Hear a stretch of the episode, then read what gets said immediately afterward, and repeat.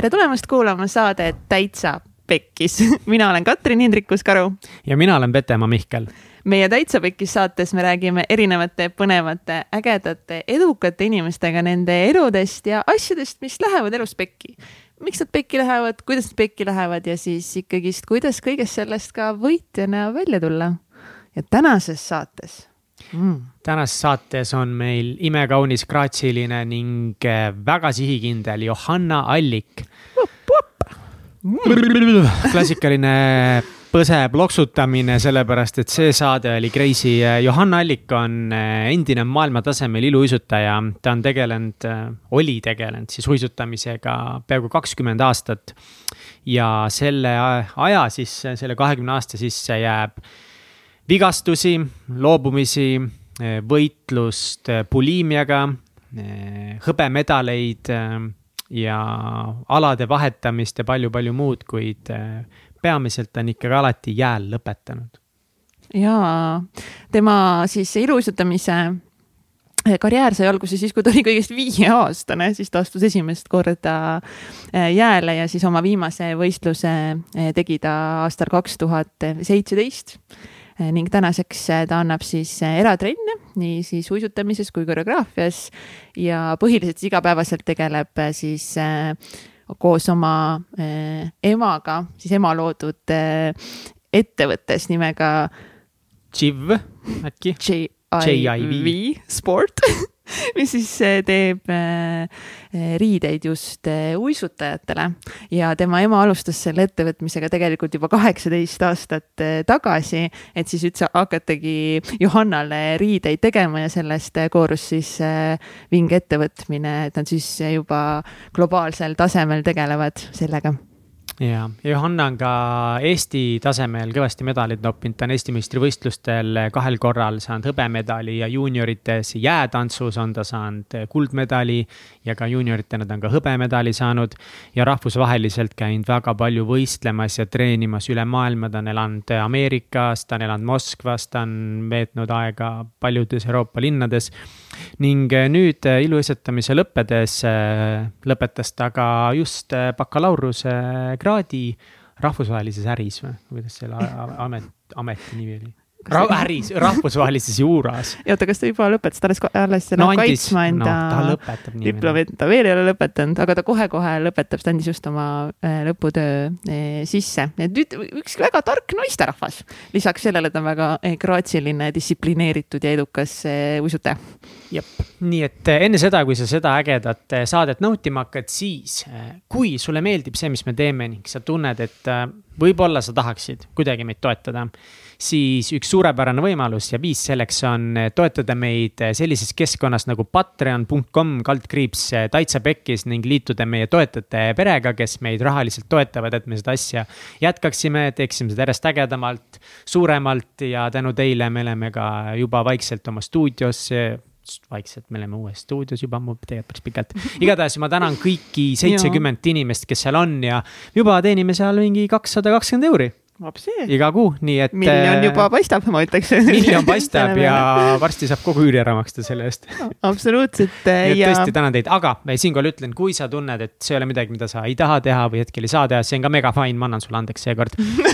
Aga ainult selle saate osas, järgmine kord vaatame uuesti asjad üle, aga mida sa saad täna kindlasti teha, on see, et kui see saade sind mingilgi viisil täna puudutas või kõnetas, siis jaga seda enda tuttavate sõpradega ja ka meie, meie enda Instagrami story's ja jaga armastust. Ja pane meile Instagramis follow, like, Facebookis, subscribe'i, Youtube'is. Meil nüüd loeme tähendab, Mihkel põhiliselt siis on selle toreda rolli endale võtnud, et ta on juba päris paljud saated meil ka Youtube'i üles pannud, nii et minge tšekkage ta,, tahate näha mõne inimese nägu päriselt kuidas ta midagi ütleb, mis energiaga ta on ja mis nägusid ta teeb, siis. Siis vaadake Youtube'ist ja ühel päeval kauges tulevikus näed ka meie nägu seal. jah. head kuulamist teeme äkki täna vahelduseks venekeelse saate? no ma võib-olla saaks nagu natuke hakkama. Извините. tea, kuidas teie kuulajad sellesse suhtuksid. Меня очень красивый мальчик Меня очень красивый мальчик. jaa, jaa, mitte меня, jaa. mitte, et sul on ilus poiss meil on üks ilus poiss. Oh my god, sa võid proovida vene keeles Johanna sisse juhatada. aga ma ei oska rohkem, ma oskan ka ainult seda lauset põhilause, sellega saab kõige paremini lantida linna peal., ma teen seda. Vene keeles või? Privet, eta äh, neljapäev las ma, oota, las ma proovin. ja очень красивый мальчик, eta Johanna, aplaus. oota, ma pole ka üliammu vene keelt rääkinud, las ma proovin. oota.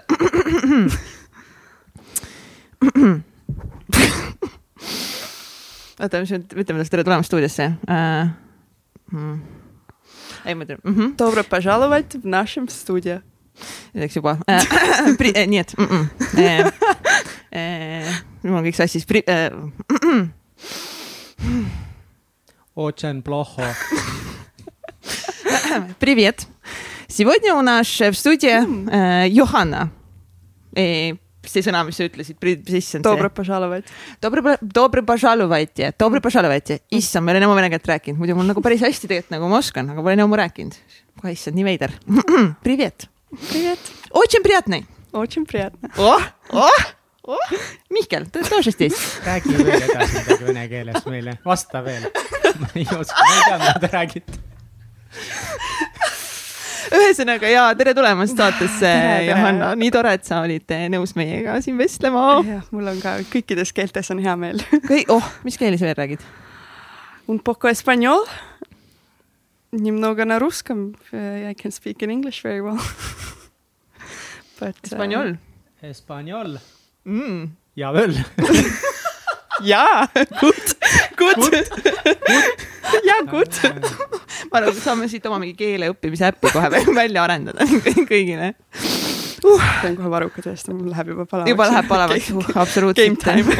It's game It's time game. time. Uh, Johanna, sa just oled läbinud eh, viiepäevase paastu. Mhm. ülitõsiseks läks järsku. jah, et ja mitte lihtsalt, et sa oleksid kodus enda ette paastunud, vaid sa olid täitsa kuskil eh, spetsiaalses kohas, kus siis eh, inimesed olid sulle toeks selle paastuteekonnal. Jaa. Eh, noh, jah, õige. ma olin eelmine nädal eh, oma emaga, me käisime Tartu külje all eh, loodusspaas, kus siis korraldataksegi selliseid eh, nädalasi detox või dieetkuure või siis paastukuure, et kõige populaarsem ongi seal siis paastukuur, kus eh, kakskümmend viis inimest iga nädal lähevad igaüks valib omale õige nii-öelda paketi eh, ja, ja siis nädala jooksul sealsed arstid ja professionaalid jälgivad sinu tervist. igasugu erinevaid protseduure saab valida, teatud on ka paketi sees, nagu näiteks mul oli viis massaaži selle aja jooksul äh, veeteraapia, igasugu sellised äh, mingid hingamisharjutused ja füsioterapeudiga oli, oli äh, üks seanss, et äh, ja ühesõnaga ma olin seal siis esmaspäevast laupäevani, ma tahtsin varem ära minna. Ja mul oli tegelikult võetud esmaspäevast pühapäevani, aga lihtsalt ei viitsinud nii kaua olla ja, ja arstiga otsustasime ka, et päris seitset päeva minul ei ole vaja paastuda. Kuna mul hakkas kohe nagu äh, hakkas keha vastavalt reageerima, siis ma ise tundsin ka, et äh, ma üle nagu viie päeva ei vaja, ei taha. ja, ja selle nädala jooksul siis oli päris mitu eesmärki, mis ma nii-öelda soovisin seal olekuga täita. ja eelkõige ma läksingi siis sinna sellepärast, et detsembris oli mul Covid, küll täitsa ilma sümptomiteta, selline, et isegi mu testi tulemus oli piiripealne mul ei olnud positiivset testi isegi. aga mis see tähendab see oli? piiripealne? täpselt seda tähendabki mu testi tulemus oli piiripealne, mis siis viitas Seda sellele, et kas ma just sain selle või just äh, äh, läheb ära. ma ei teadnud, et see on võimalik. Ma ka mitte. negatiivne võimalik. vot okei okay,, nii. äh,, new fact ja, ja siis mulle helistati ja öeldi, et kahe päeva pärast uuesti test ja siis uus test oli negatiivne. aga mm, ainus sümptom oligi see, et ma olin nii-öelda nõrkus oli peal, aga ma eeldasin, et noh, mingi detsembrikuu niikuinii on pime ja olen en-, noh, nagu väsinud. aga siis seesama nõrkus nii-öelda jätkus päris pikalt, ikka neli-viis kuud ikka poole päeva pealt. Ma olin noh, kuidagi ei olnud seda energiat, millega ma harjunud olen. Ja paastunud, nii-öelda paastule minna olen ma tahtnud aastaid ja siis kuidagi mõtlesingi, et, et nüüd vist on see aeg, et äh, üldjuhul baas peaks mõjuma tervisele niimoodi, et sa saad reaalse reset'i ja kui see on tehtud, siis sul tuleb uus energia ja oled täiesti nagu uus, uuesti sündinud. ja lisaks sellele oli ka tahtmine, mul olid äh, samamoodi Covidi ajast äh, olid tulnud kaks väikest ekseemi nahale lihtsalt siuksed väiksed naha mingid äh, moodust-, noh hästi kuivaks läks nahk ja, ja see oli teine põhjus, miks ma sinna läksin, et siis nagu nahk sai ka uuenduse läbida, mis mõjus ka väga hästi. aga kas sa enne olid teinud üldse mingit paasti või see oli sinu esimene kokkupuude paastuga või sa oled teinud intermittingut või mingeid päevaseid, kahepäevaseid? Äh, ja ma olen äh, nii-öelda intermittengut teinud intermitting, ma ei teagi, mis pidi vahelduv nii-öelda. Intermittent fasting. Intermittent just, et seda ma olen äh, nii-öelda mm, ütleks, et ma isegi täna teen seda, aga täna ma vahetaks selle sõna mindful vastu, et, et ma päris niimoodi kella ei jälgi, et, et, et kui ma ikka süüa tahan, siis ma söön. aga, aga pigem jah, need pausid siis õhtu ja hommiku vahel on, on, on suuremad. Ja siis, kui ma kunagi veel äh, uisutasin, siis üldjuhul olid mul ka pühapäevad olid veepäevad. et terve pühapäev ma siis nii-öelda puhastasin enda, enda nii-öelda sisikonda ja, ja aga siis oli see pigem sellel eesmärgil, et esmaspäeval minna trenni vähe kergemana, kui laupäeval ma tulin. Et siis oli ta pisut teisel, mitte kõige tervislikumal eesmärgil aga sellist jah, üle päeva, üle kahekümne nelja tunni ei olnud mitte kunagi teinud ja tegelikult eelnevalt ma olin päris nagu ma üldse ei uskunud, et ma suudaks seda teha ja, ja seda ütlevad kõik, kes äh, nagu üldse selle peale mõtlevad. ja ma ise olin ka, noh, ma veel nädal enne hakkasin äh, planeerima ja, ja et oh, ma nüüd toitun tervislikult, sest noh, pead ikka sisikonda pisut ette valmistama sellele, et täitsa nulli läheb toit. mis see tähendab, mida see see tähendab, tähendab? endast eelkõige seda, et äh, sa äh, väldid kohvi äh, äh, äh, nii-öelda, peamiselt jood ainult vett mm. -hmm, cheers Mihkel joob kohvi just äh, väldid kohvi äh,, lisatud suhkruid äh,, noh, põhim-, põhimõtteliselt sööd sellist äh, võimalikult äh, puhast toitu, kus ei ole eriti maitsestamist ja, ja mitte väga suuri portse siis ka. ja noh, mina sõin pastat minul see ei õnnestunud et ma nagu algul olin küll, et okei okay,, et, et sihuke entusiastlik ja esimesed kaks päeva toitusingi, noh, ma midagi, selles mõttes ma ikka maitsestasin toitu, aga sõin tervislikud salatid hommikul, veebaasil smuuti ja mingi muna, aga siis kolmapäeval läks kõht tühjaks ja siis ma sõin natuke rohkem ja siis mõtlesin, no okei okay,, suva elan üle. kuidas oli siis? Ja siis oligi, tegelikult see on, see on peaaegu selline justkui kehaväline kogemus, sest et äh, see näljatunne, mida me nagu tunneme äh, igapäevaselt, siis see tegelikult lõpeb ära siis, kui su nii-öelda soolestik lõpetab seedimise, sest tal ei ole enam midagi seedida ja siis ta enam ei ütle sulle ka, et ta nii-öelda näljane on. ja see oli minu jaoks kõige huvitavam, sest ma mõtlesin, kas ma nüüd tõesti pean neli päeva siin istuma ja nälga tundma, et see on ju nagu mentaalne, ma ei suuda seda teha. Aga siis äh, teisel päeval ei olnud enam näljatunnet. Äh, kolmandal ja tei-, teise päeva õhtu ja kolmas päev olid selles mõttes oli kõige raskemaid momente, kus tõesti energiat eriti ei olnud, kõndisid täiesti teokiirusel, mingi kaks kilti maks päevas, rohkem ei jaksanud. vahepeal oli natukene pea selline udune ja, ja ka sellised huvitavad asjad olid just see, et näiteks äh, keha hakkas väljutama hästi palju mürke läbi higi. Et täiesti normaalne temperatuur, aga miskipärast ma higistan ja see on küll natuke nagu rõve, aga see higi ei, ei lõhnanud üldse nii, nagu ta mul tavaliselt lõhnab mm, -hmm. kui ma higistan, et ta oli nagu sihuke nagu mingi imeliku lõhnaga. ja, ja viimaks oli see, et ähm, äh, ka keel hakkab äh, väljutama mürke ja, ja ka see ei maitse üldse hästi, ehk siis ma pesin mingi kolm-neli korda päevas äh, hambaid, kuna suus oli nii vastik maitse ja sa ei saa mitte millegagi seda ära ka, sest sa jood ainult vett ja õhtuti võib-olla või noh, õhtul ja lõunal jõid teed.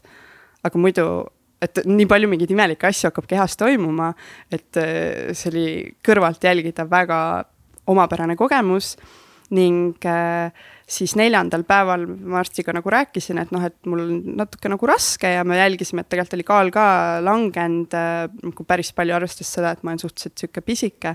ja siis ta pakkus nagu ka, et, et viiendal päeval anti mulle siis Äh, mingi lahjendatud porgandimahl, mis mulle üldse ei maitsenud. et see oli ainus asi, mis ma oleks võinud saada, aga see ei maitsenud, selle asemel ma võtsin hoopis petti ja siis kaks päeva ma jõin petti. mis see on? Äh, see on nagu põhimõtteliselt keefir, lihtsalt ta on veel lahjem variant ah.. aga ta maitseb nagu keefir väga nagu maitsev asi. ja siis ma kaks päeva jõin seda ja siis vaikselt hakkasin toitu lisama ja nüüd täna ma juba nagu söön normaalselt, aga muutunud on see, et noh, tõesti äh, esiteks energiat on palju rohkem, ma tulingi tagasi ja mul oli, kuna ma seda lõputööd hakkasin esitama, siis mul oli nagu plaan viimane mingi täielik spurt teha ja ma lasin esimesel päeval, kui ma tagasi tulin, üksteist tundi järjest ma ei ole elu sees ühtegi koolitööd niimoodi teinud nagu seda ühte lõputööd. nagu fookus ka ja, parem, siis suutsid keskenduda. täiesti mm -hmm. puhas mõistus nagu, mitte miski ei seganud mind, ma suutsin nii hästi mõelda, mis järgmine asi ja see oli nagu vau wow.. ja üks oligi, et ma tõesti nagu meel on palju selgem ja ma suudan palju paremini oma asjad kõik ära teha, mis ma nii-öelda omale, et ma olen niisugune inimene, kes peab nii-öelda märkmikku. iga pühapäev ma kirjutan järgmise nädala tegevused, noh, enam-vähem nagu paika, tööasjad ja, ja kõik muu, mis seal ümberringi on. ja sellest nagu ja seda jälgida on olnud palju lihtsam see nädal, tõesti nagu okei okay,, see tehtud, next step, noh, kuidagi väga sujuv on see kõik olnud. lisaks äh, äh kõht ei ole kordagi tühi olnud, noh, sööki läheb palju vähem, selles mõttes, et, äh, et, et inimestena me tegelikult olemegi, me elame nii mugavalt täna, et me sööme palju rohkem, kui me peaks. aga nagu paastujärgselt ma olen nagu söönud nii palju, kui mul on nagu vaja, et mitte üldse rohkem. ja, ja noh, üleüldse on palju parem, kogu enesetunne, nahaprobleemid läksid ära ja, ja selles mõttes on nagu prima ma kuulasin su sellest videost ka, kes tahab veel sellest veel pikemalt kuulda, siis äh, Johanna Youtube'is äh, päris hästi räägib sellest ja mm. just, et, et huvitav oli see, et et selle ekseemi puhul ka, et sa nagu proovisid erinevaid asju mm -hmm. ja ma selleni ei jõudnudki, et, et kas see siis aitas? jah, aitas küll, et ta mm, -hmm. et see oli minu jaoks kõige hullem, et ta iga päevaga läks nagu reaalselt paremaks, paremaks, paremaks. et ta veel täna on, on nagu noh, on näha, et seal on olnud aga tal ei ole mingit, mingit põletikku ja see nagu täitsa uskumatu ja seal oli teisigi inimesi, kes a la psoriaasiga sinna olid läinud ja, ja noh, igasugu mingi, et hästi paljud lähevad just kaalu langetama, aga siis paljud lähevad selle energia pärast ja seal enamus inimesed, kes olid, olid kõik vähemalt miinimum viis aastat juba käinud oh,. Mm. aga kui tihti need käivad näiteks? kord aastas. kord aastas jah? jah mm nii pikka jah. peab ka ikka minema. see on päris sihuke, just see, et, et see ei ole nii raske, kui sa arvad. täpselt, mul on ka väga hirm kuidagi. ja just sellepärast, et sa oled selles keskkonnas, kus kõik seda teevad mm. ja siis nagu niikuinii toitu seal ei ole ja, ja sa ei tunne toidulõhna kordagi. see, nad annavad päeval mingit puljongit ka, mis on täiesti maitsestamata, mis on tegelikult täiega rõve, noh, a la nagu keedaksid porgandit, siis võtad porgandid välja ja siis see vesi, mis sinna, see nagu väga ei isuta, no siis ongi mitte miski ei isuta ka, sest midagi head ei ole ümber. ma olen ka nagu lugenud natukese, kuulanud ja noh, nii paljudes podcast'is väga paljud inimesed, kes tegelevad iseenda tervisega mm, -hmm. teevad paaste täpselt samamoodi, pikkasid kord aastas või kaks korda mm -hmm. aastas ja ja ikka no,, ma ei tea, peaaegu kõik ütlevad, et see kolmas päev on kõige raskem mm. -hmm. ja et kui sellest kolmandast päevast nagu üle saab, et siis tihtipeale väga paljud tunnevad just pärast kolmandat päeva on siis kogu aeg hästi, et see on see hetk, kus see clarity nagu hitib mm. -hmm. Clarity hitib selgus tuleb. selgus tuleb koju ja. tagasi. minu jaoks kõige seksikam sealjuures tundub eh, see põhimõte, et, eh, et just keha hakkab neid haigeid rakke hävitama yeah., et kuidas see keha enda kaitsesüsteem hakkab nii tugevalt tööle ja yeah. kõik sinu. see kõik on minu jaoks hästi nagu, sest ma olen alati nii huvitatud olnud sellest, kuidas mu keha nagu toimib ja üleüldse sportlasena sa pead nagu väga jälgima, mis su kehas toimub, et vigastused, värgid, särgid. et siis see oli, et vau wow,, et there's more et nii palju muud uut sai ka nagu teada tervise kohta. ma lähen ise esmaspäevast nüüd kahekümne kaheksale päevasele toortoidu vaastule mm.. et ma kavatsen kakskümmend kaheksa päeva ainult äh, siis äh, süüa tooreid puu- ja köögivilju. seda ma olen ka kuulnud, et inimesed teevad. et see peaks ka ikka korralikult ja. kogu kehale restarti andma ja mõistusele ja, ja. kõigele. et Kindlasti. vaatame, kuidas ma siis kakskümmend kaheksa päeva vastu pean. I have no idea. aga nüüd see on vähemalt siis saates ka välja, välja öeldud, nii et. nüüd sa taganed jah? ja nüüd sa taganed. on sul veel plaanis minna ehm,? hetkel ma olen mõelnud, et ähm, võib-olla kodus kahekümne nelja tunniseid ikkagi teha iga kümne päeva tagant, et seda tõesti seal ka soovitati just selleks, et, et lihtsalt puhastuda, aga mm, neid selliseid viiepäevaseid tõesti võib-olla kord aastas. et, et ma arvan, et, et võib-olla tõesti. Mm.. nii põnev, aga hüppame sinu äh, iluuisutaja karjääri täiesti algusesse, et kuidas üldse sinu jaoks algas see sportlase teekond, kust see alguse sai? See sai alguse Tallinna linnahallist aastal tuhat üheksasada üheksakümmend üheksa. tuhat üheksakümmend, ma olin üheksa aastane siis. mina olin siis just viieseks saanud mm. -hmm. nüüd on kõigile vanus teada ma just vaatasin Youtube'is ka neid videosid, kus olid see päike seal jää peal nagu ma olin mingi, issand, kui nunnu. see on hästi lahe, et mu vanemad filmisid mind hästi mega. palju lapsena ja kõik need videod on mul nagu kõvaketta peal olemas, see on äh, sihuke nagu kuld kes siis suunas sind sinna, viis siis sinna jää peale sind, et kuidas sa need uisud endale siis jalga ikkagi panid? vist äh, oli niimoodi, et kingiti, äh, vanemad ostsid kas sünnipäevaks või jõuludeks, vist ostsid sünnipäevaks ja siis äh, üsna varsti peale seda nad viisidki mind trenni, täitsa ilma igasugu tagamõteta, et pigem oli see, et tahtsid ka, et ma prooviks kõike, et mis rohkem meeldib, seda hakkan tegema, sest ma käisin kõikvõimalikes kunsti, tantsu, muusikaringides ja, ja kuidagi nagu äh, oli, oli mahti veel enamaks ja siis, siis. juba viieaastaselt? Äh, jah, ja et äh, käisin seal kaunite kunstide koolis, mis kunagi. ma ka, vau, vau, mis minust sai mitte midagi. täpselt, thanks sõber ja nii imeline. kõik teavad, mida ma arvan, nii et ma ei pea siin üldse. okei.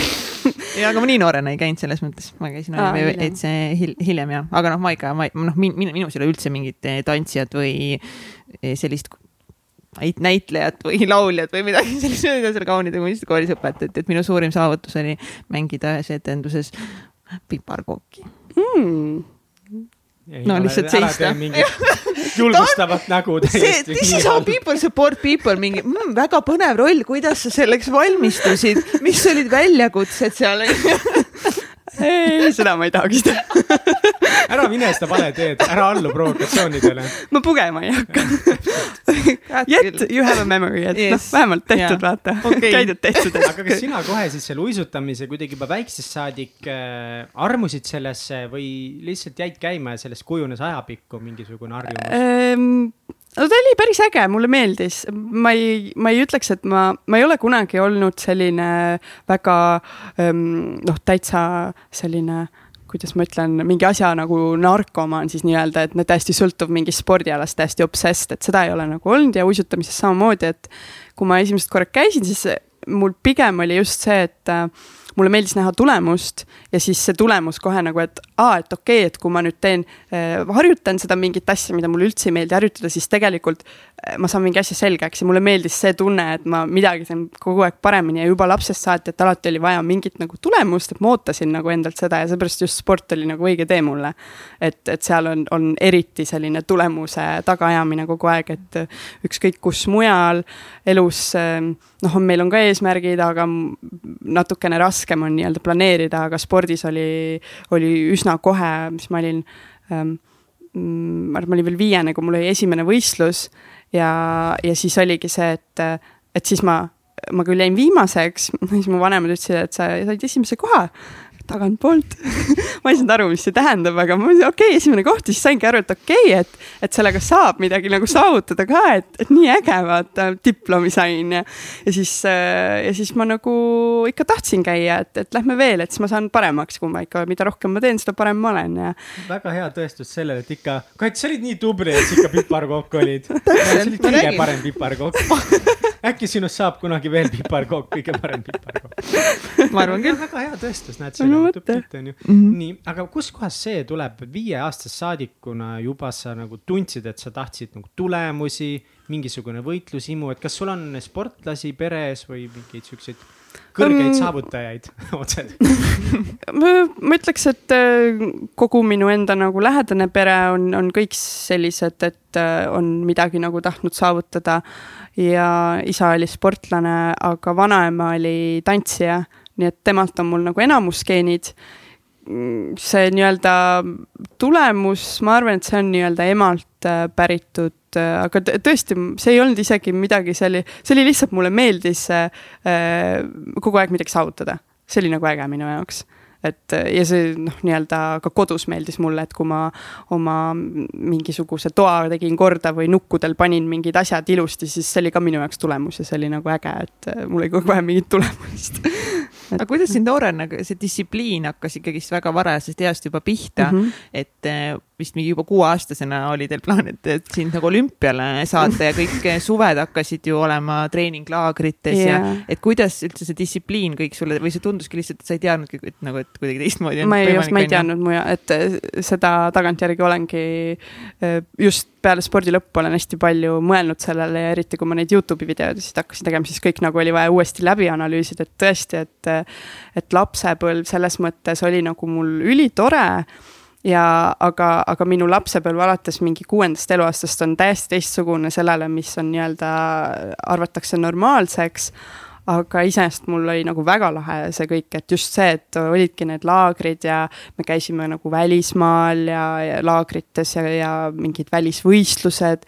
et, et siis nagu ei tundnud erilist seda, et oleks mingi hull distsipliin, et see pigem hakkas natuke hiljem siis, kui näed, et klassikaaslased lähevad kinno, aga sina ei lähe ja, ja et, et see tuli natuke hiljem. et aga lapsepõlves pigem oli just nii äge, et sai reisida ja suhelda ja sõpradega, noh nagu uisusõpradega koos olla.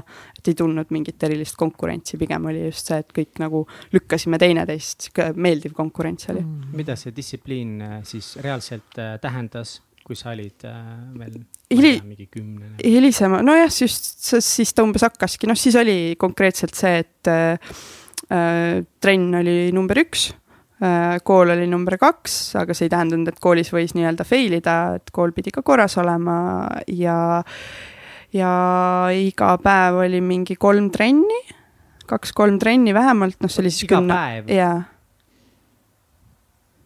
see on kakskümmend üks trenni nädalas yeah okei okay,, aga et, mis, korra selgita lihtsalt, mis termin, kas need kõik olid uisutamised? ei, kõik ei ole uisutamised, iluuisutaja üldjuhul peab äh, väga palju erinevaid trenne võtma, et äh, väiksemana oli alati sealjuures ka ballett, akrobaatika, kergejõustik ja siis, ja siis alles uisutamine et, et need kõik läksid nagu sinna ühte kokku ja kõik äh, uisutasid küll esmaspäevast laupäevani mõned päevad kaks korda päevas, enamus päevad üks kord päevas ja siis, ja siis tulid kõik need lisaasjad sinna juurde ja, ja lõpuks ta tulebki, selles vanuses oligi äkki mingi kakskümmend kuni kolmkümmend tundi nädalas.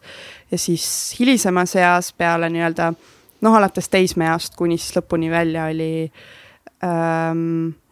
no oli ka selliseid pea neljakümne tunniseid nädalaid. aga mis hetkel sa ise aru said, et äh, sellest saab elu? siis, kui ta juba oli see et natukese hiljem siis?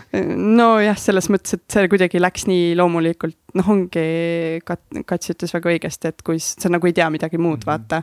et, et siis, kui ma sain aru, et tegelikult seal on muid asju ka, siis ma sain aru, et okei okay,, see on mu elu. ja oli ka neid momente, kus nagu otseselt äh, ei suuda nagu leppida sellega või ikka tunned, et kas ma jään millestki ilma, noh, täiesti normaalsed teismeea mõtted, aga siis, siis tulevadki mängu just see, et, et kas su pere on toetav ja et kuidas sul trennis nagu läheb ja et kui trennis läks raskelt või, või nagu ei tulnud asju, siis oli kohe, et kõik, et ma tahan minna lihtsalt sõpradega chill ida mm.. et seda nagu oli väga-väga harva tol ajal aga juba vist kümneaastasena hakati juba seda kaalu mm -hmm. asja ka juba kontrollima ja. Mm, jah, ma arvan, et ma nii täpselt ei mäleta, aga ilmselt oli jah, sihuke üheksa-kümneaastaselt äh, hakati nagu, mm, laagris oli iga hommik kaalumine äh,. vabandust ja siis äh, hooaja sees nii-öelda siis, kui me laagrites ei olnud, ehk siis tava nagu treeningutel oli vähemalt kord nädalas kaalumine ja, ja ma ütlen ausalt, see oli küll selline asi, mida nagu tänaseni mäletad äh, nii-öelda ebameeldivalt et see ei olnud asi, mida väga nagu naudiks. aga kas juba siis oli see, et okei okay,, et nüüd sa pead hakkama jälgima seda Ja. seda, seda kaalu, et. Äh, siis nagu oligi, et äh, ähm, küll ise nagu ei saa aru, mida see tähendab jälgima, et, et minule see tõlgendas täpselt seda, et okei okay,, enam ma ei või süüa, noh, põhimõtteliselt äh,. et äh, treener nagu räägib üldjuhul vanematega läbi, et noh, et, et hakake nagu jälgima, et nagu ses mõttes, mitte et ma ei olnud üldse paks, lihtsalt et et kaal ei tohiks nagu väga tõusta, mis siis, et ta kasvab, aga nagu, et ta peab kogu aeg nagu teatud äh, piirides olema ja siis, ja siis sa ise nagu hakkasid märkama, et et, et mingeid teatud asju enam lauale ei pandud ja, ja siis, siis kui mina olin laua taga, siis, siis ka mingeid asju ei olnud, aga pärast ma nägin nagu, et pere võib-olla sõi neid, noh, oligi a la mingi saiad ja noh, tegelikult asjad, mida me ei peakski sööma. aga kui, kui sa nagu näed, et, et kõik teised söövad, siis et miks ma ei või, ma teen poole rohkem trenni. aga mida sa tundsid siis sel hetkel mm,? nälga kui sa vaatasid seda saiakontsukut seal aga ma ei mäleta, et mul mingeid erilisi siukseid mõtteid sellega oleks olnud, pigem oli see, et no suva käin seal kaalul ära ähm, siis korra nagu oli sihuke nõme tunne, kui treener ütles midagi halvasti selle kohta, kui nagu kaal ei olnud päris see, mis ta võib-olla lootis või et, või et oli võib-olla paarsada grammi juures. aga mis nad siis ütlesid, et, et joo vett vähem või? ei, pigem, pigem, et, pigem, et miks sa sihuke elevant oled kas, kas see käitumis, suhtumisstiil oli sel ajal tõesti selline? mm -hmm. sihuke kohe agressiivne? Mm, ma ei ütleks, et agressiivne, aga ta on sihuke teatud, teatud stiil ta on ja ta on selline võrdlemisi nagu mingis mõttes alandav, ütleme nii. et ma nagu ei põe, põe seda välja öelda, sest et see on sihuke avatud, avalik saladus juba, et. aga miks see on nii, miks sa arvad mm,? Raske öelda, see on kuidagi, see kogu uisumaailm on selline hästi kohati nagu friiki ja, ja haiglane minu arust, et seal on selline mall, et tõesti äh, nagu välimus on, on nii, nii nagu A ja O ja see kuidagi hästi varakult süstitakse sinu pähe ka, et, et, et see on kõige mingi olulisem see, et sa oleksid äh, nagu kõhna. mitte lihtsalt tervislikult sale, vaid kõhn ja, ja seda nagu hästi palju nii-öelda kiidetakse takka, kui sa siis oled ka see sealt tekibki see mingi klõps käib peast läbi, et ahah, et see ma peangi olema. ja siis igad mingi ja siis hakkad äh, käima kogu aeg kaalul, et noh, on ka neid, kes äh, ma tean, et ei ole nagu sellega nii-öelda on, on õnnestunud sellest nii-öelda üle minna ja ei, ei ole nagu kunagi külge hakanud, aga just kui sa hakkad nii-öelda noorest peast äh, tippsporti tegema, siis, siis ta tuleb. et sest mina, me olime, mina ja olid veel äh, kolm-neli tüdrukut, kes olid umbes samal tasemel ja me kõik äh, läksime võrdlemisi varakult juba nagu suurele areenile võistlema, igasugustel Grand Prix etappidel käisime ja siis meil oli alati, oli hästi varakult juba sihuke tamp peal tampe all kaalus ja trennis, sa praegu pead silmas just kaalumisesse. aga mis hetkel äh, sul buliimia tekkis ja mis sa arvad ise nagu, millal see alguse sai? Midagi kurgus vahepeal ma pean jooma jah. ja mul oli. kuulajatele meeldib, kui kõrva köitakse. eks, eks ole Öeldakse kogu aeg, et nagu tehke rohkem, palun. ja, meil on neid SMR neid eh, mikrofone vaja, kus sa saad kõrva köita um, äh, bulimia äh, algas mul mm,, ma arvan, ma olin neliteist äh,, kolmteist või neliteist, aga ma pigem arvan, et neliteist.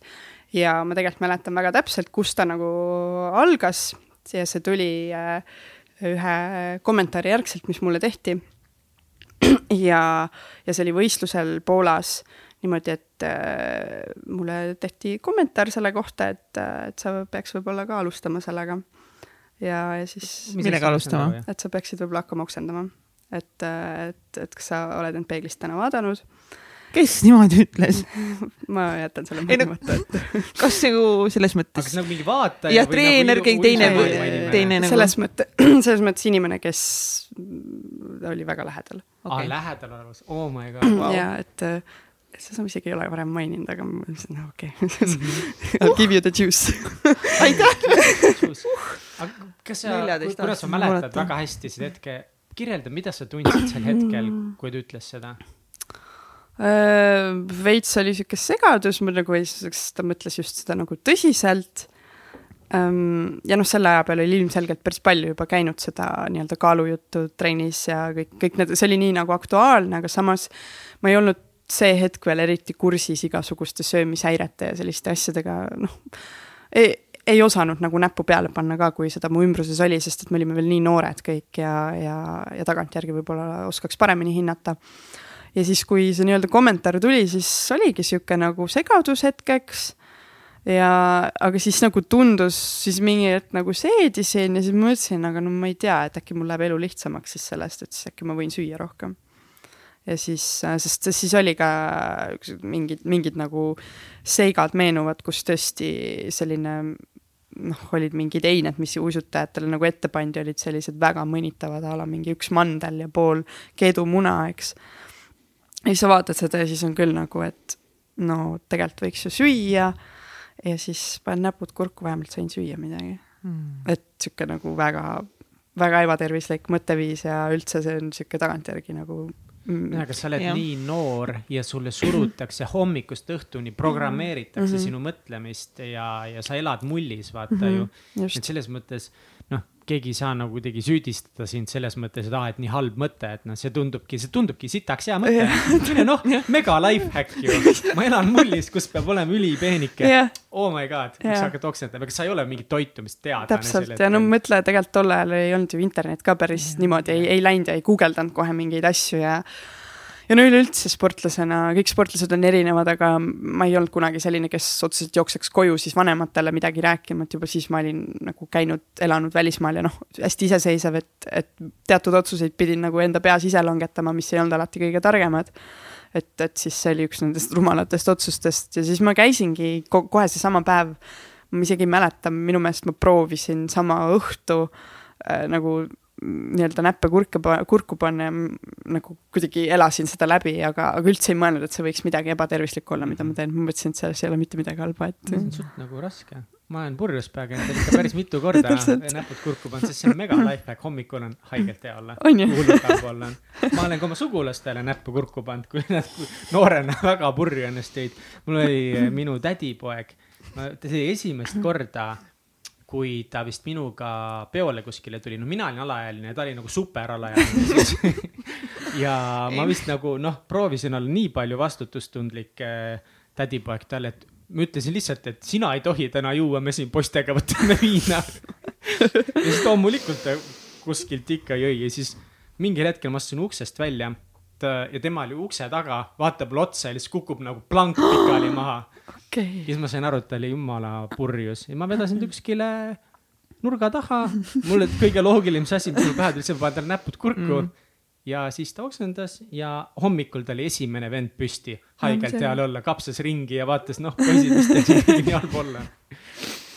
Et äh, jah, et see on ähm, see on jah, sihuke nagu ja hästi huvitav või noh, mis huvitav, aga noh, ongi see, et teed siis mõned korrad ära ja siis nagu nii ruttu saab teatud harjumuseks ja nagu esimese hooga ei oskagi, ei kujutagi nagu teisiti enam ette, et see on tagantjärgi hästi selline mm.. Sorry, ma väga palju nagu ei tea sellest, saaks küsima, kuidas see nagu välja näeb, kas see tähendab seda, et, et sa tahad või tunned vajadust pärast igat söögikorda oksendada või? Äh, minul ta enam-vähem nii hakkas nagu olema, aga ta käis tõesti ka teatud periooditi et noh, niikuinii olin juba selles eas, kus noh, tüdrukuna hormoonid käivad üles-alla ja oligi ka seotud hormoonidega, et mingi hetk oli palju parem olla, kaal oli stabiilne siis tegid seda vähem, aga siis mingi hetk oli stressi jällegi rohkem, pinged, võistlused, särgid. et siis, siis ta muutus tõesti, oli mõnikord kolm korda päevas ja, ja nagu noh, tõesti peale igat söögikorda ja ja alati oli kaasas hambahari ja noh, sellised asjad mm. ja siis oli ka neid momente, kus ma üks hetk hakkasin nagu väga hea, praktiline point. eks ole. ja siis oli ka neid momente, kus hakkasin märkama, et, et, et ma ei ole üksi, et neid on ka teisi, kes seda teevad, et siis oli veel eriti julgustav, et okei okay,, et järelikult ma teen õiget asja. aga kas te kunagi nagu päriselt rääkisite ka teiste elusid? seda kõik sellest? ikkagi tahtsid varjata, et ma ise ka nagu kiivalt varjasin seda kõigi eest, et see ei, see on ju sinu saladus. aga justkui ikkagist kõik nii-öelda noh, suurem osa.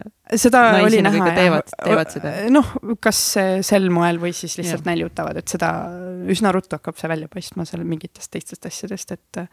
et kas oledki väga-väga kõhna, et päris nagu selline ebareaalne kõhna sa ei ole siis, kui sa lihtsalt äh, toitud tervislikult ja teed trenni, et siis sa, sa lihtsalt, mhm. see inimene näeb teistsugune välja. Ja, ja siis eks ma ka märkasin, päris palju oli teisi, kes ma nägin, et või siis oli mõni, mõni nagu tõesti jalutasin tualetti ja siis ma nägin kedagi, et. kui kaua see sul kestis? see kestis mul seitse-kaheksa um, aastat wow..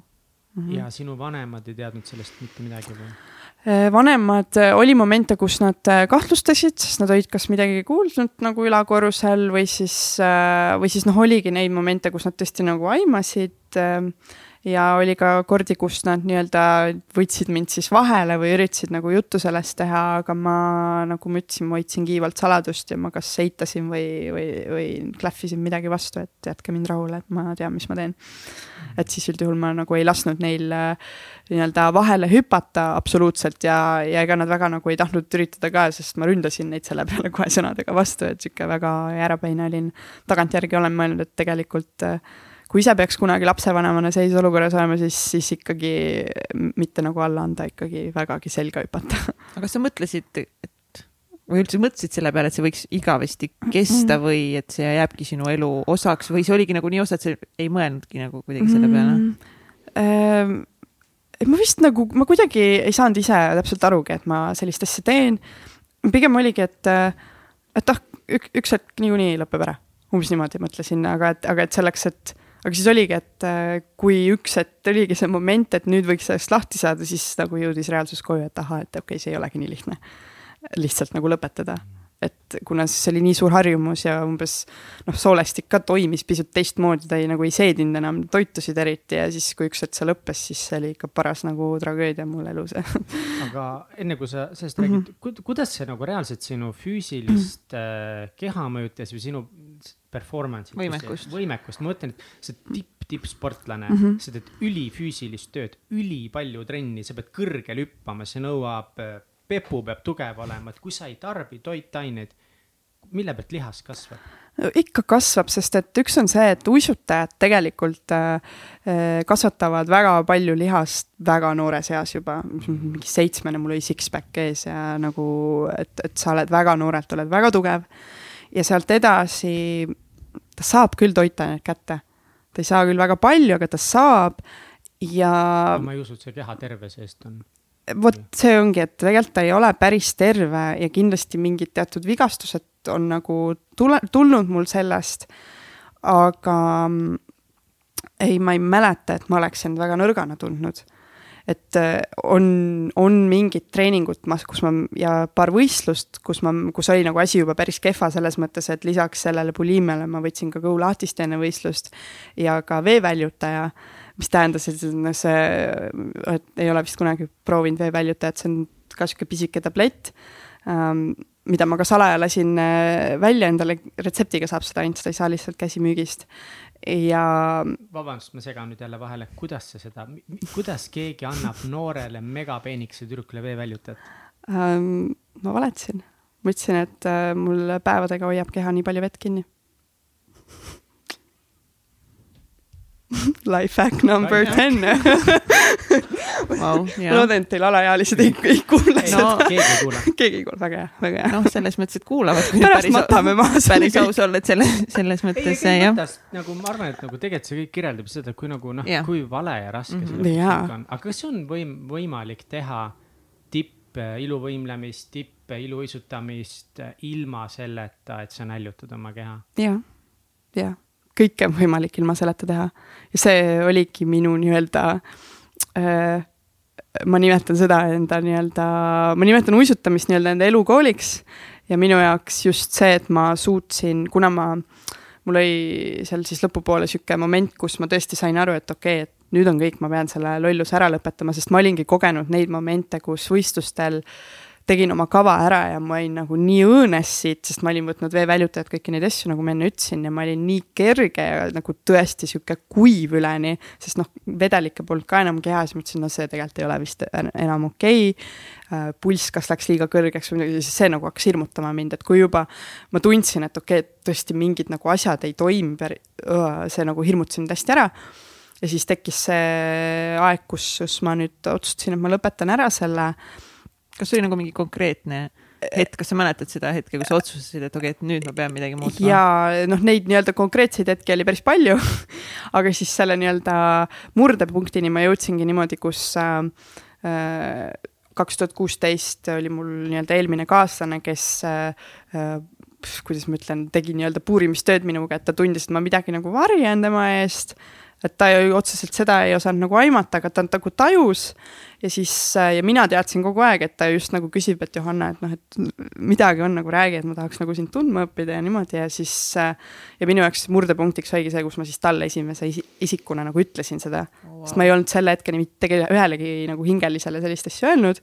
nii pikalt saladust. ja, ja see nagu avas nii-öelda kraanid ja siis ja, ja sealt nagu tegelikult läks kõik allamäge sest et äh, nagu siis, siis jõudis endale ka kohale, ma olin nii pahuksis endaga, ma hakkasin nagu uisutamist mingis mõttes vihkama, et noh, et nagu süüdistama, et sellest see kõik ju sai alguse ja mis nüüd edasi ja ja, ja kuidas ma nüüd võistlen, ma tundsin nagu kohustust treeneri ja nii-öelda riigi ees, et ma pean tegelikult ju veel võistlema minema. aga nüüd ma ei saa enam seda lollust teha ja nüüd ma võt-, noh, ühesõnaga seal oli nii palju mingit stuff'i, mis sellest nii-öelda kraani avamisest tuli. kui vana sa olid siis? Äh, see oli kaks tuhat kuusteist, ehk siis mitte üldse nii ammu, mis olin, kakskümmend üks, kaks, midagi sihukest mm. -hmm. et äh, ja, ja tõesti, see oli nagu noh, iga päevaga läks raskemaks mingi moment ja siis tuligi see hetk, kus ma olin, et äh, et, et ma pean mingi drastilise muutuse tegema, et, et sellega tegeleda, et ma ei, ma ei saa jätkata oma elu nagu samas rütmis, sest et lihtsalt ei õnnestu mul ja siis ma otsustasingi nii-öelda, ma rääkisin esimesena treenerile, sest et tema oli ka nagu aru saanud, et ma ei ole päris kohal asjadega, et selline, ma tulin trenni ja siis ta umbes nagu näeb mu näost, et ma ei taha seal olla.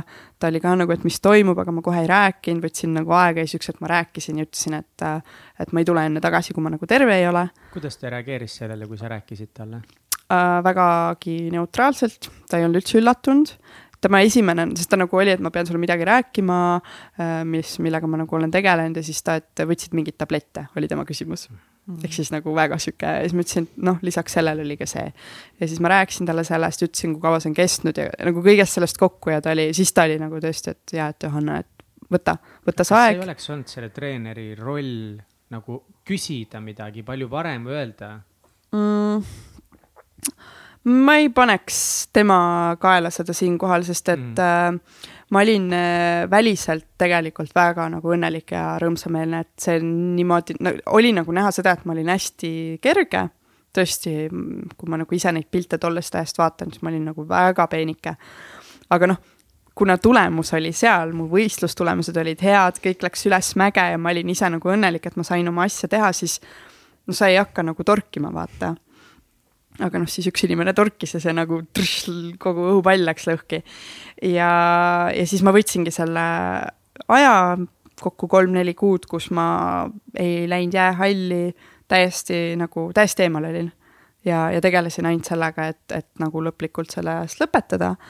ja selle jutuga ma tahangi minna sinna, et äh, kui ma siis üks hetk sain aru, et need vahed nende minu äh, ülesöömiste nagu vahel on aina suuremad ja suuremad, siis ma nagu enam-vähem deklareerisin ennast terveks sellest ja läksin tagasi jääle. ja minu eesmärk oligi siis see, et teha oma nagu äh, viimane uisusuvi ja viimane pool hooaega tervena. ja endale tõestada, et see on ka võimalik ehk siis vastus sinu küsimusele või mm -hmm. Mihkli küsimusele, et jah, see on võimalik. sest et siis ma tõesti, ma läksin hoopis teise nagu hingamisega kõigele peale, ma olin nagu leppinud sellega, et ma ei ole ilmselt nii kerge enam, kui ma siis olin. Ehm, ja, ja minu nii-öelda füüsis ei võimaldanud mul neid kõige raskemaid asju teha. aga sellest sellest hoolimata ma olin palju kuidagi tervema mõtlemisega, ma suhtusin treeningutesse hoopis paremini nii-öelda kvaliteet üle kvantiteedi läks siis käima ja, ja see, ja see oli kuidagi nii selline kindlustav tunne mulle, et, et ma tõesti, et just ma olin nagu seesmiselt nii uhke enda üle, et ma võtsin need mingid hästi suured riskid vastu ja, ja, ja kõik, mis ma nii-öelda läbi elasin, sest ma ei läinud kuskile teraapiasse või midagi sellist, ma nagu ma olen nii harjunud kõike üksi tegema, et see oli ka üks nendest asjadest, et ma pean selle kõik üksi ära tegema, muidu ma ei saa hakkama, vaata. mida sa, mida sa konkreetselt tegid siis kolm-neli kuud? no mingi kuu aega ma lamasin oma korteri põrandal põhimõtteliselt mm, -hmm. et äh, see oli nagu kõik, mis ma tahtsin teha, ma ei tahtnud midagi muud teha ja, ja siis, siis ka endiselt ma ikkagi nagu sõin ja ei olnud nagu hästi kõik. et lihtsalt põhimõtteliselt ma ma lamasin, ma mase, ma olin masenduses, ma haletsesin end, ma äh, nii-öelda süüdistasin äh, kogu oma minevikku ja kõiki oma otsuseid ja nii-öelda tampisin end täiesti nagu tükkideks maha. ja, ja siis äh, mingi aja pärast ma nagu mõtlesin, et okei okay,, et, et noh, nii oli, mis edasi ja hakkasin nagu, hakkasid järjest tulema mingid mõtted, et okei okay,, et tegelikult saab ju sellest ka välja ja saab hakkama ja ja, ja kirjuti siis järgmisena ma kirjutasingi endale üles, mis, kes ma tahan olla mm,, miks ma tahan olla äh,, miks ma ei taha olla selline, nagu ma olen olnud. Ja kirjutasin päris pikalt mingeid selliseid asju, hakkasin rohkem suhtlema jälle oma sõpradega, sest mingi hetk ma täiesti, ma, mul oli Facebook äh, nagu äh, nii-öelda deactivated Instagrami mul ei olnud, ma kustutasin ära. Äh, ma olin nagu täiesti põhimõtteliselt kadunud, isegi tagantjärgi, kui ma siis aprillis tegin omale täiesti uue Instagrami ja nii-öelda mõnda inimest hakkasin jälgima, siis nad olid, issand, ma ei saanudki aru, et sa olid vahepeal täie-, ma hakkasin mõtlema, ma ei ole siis nii ammu kuulnud, mis toimub. ja siis ma nagu vaikselt tulin nii-öelda ta tagasi ellu. ja siis rääkisin ka sõbrannadele sellest kõigest ja, ja kõik sai nagu mingi, mingi uue hingamise ja, ja pilt oli nagu selge, et mis edasi kuidas sa oma toitumisharjumusi pidid muutma või kuidas see, üks pool on see vaimse poolega tegeleda mm -hmm. võib-olla alguses peadki nutma endast välja mm -hmm. selle seal korteri põrandal, aga aga just see konkreetne söömine, kuidas seda muutsid, et kas sul oli nagu lihtne sõna otseses mõttes toitu endale suhu panna ja mõelda, et see peaks nüüd sinna jääma ehm, see oli kuidagi, see oli sellise um,, mis see trial and error, noh nagu mm katse-eksitusmeetodil põhimõtteliselt ja eks ma ikka teadsin, mis on tervislik toit ja mis on need asjad, mida mul rohkem vaja.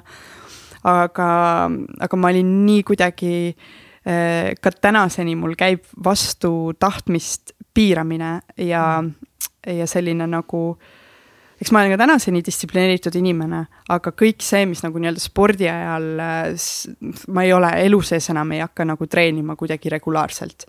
et, et ma kuidagi äh, lihtsalt aina nagu nii-öelda patsutasin endale seljale ja ütlesin, et kõik on täpselt nii, nagu olema peab, et lihtsalt äh, äh, mõtle selle peale, mõtle nagu oma eesmärkide peale ja kogu aeg nagu süvendasin, sisendasin endale seda ja lihtsalt uskusin, et, et see on õige. et kindlasti ei, ka tänaseni ma söön vahepeal ilmselgelt asju, mis ei ole tervislikud, aga jumal küll, ma tahan elada.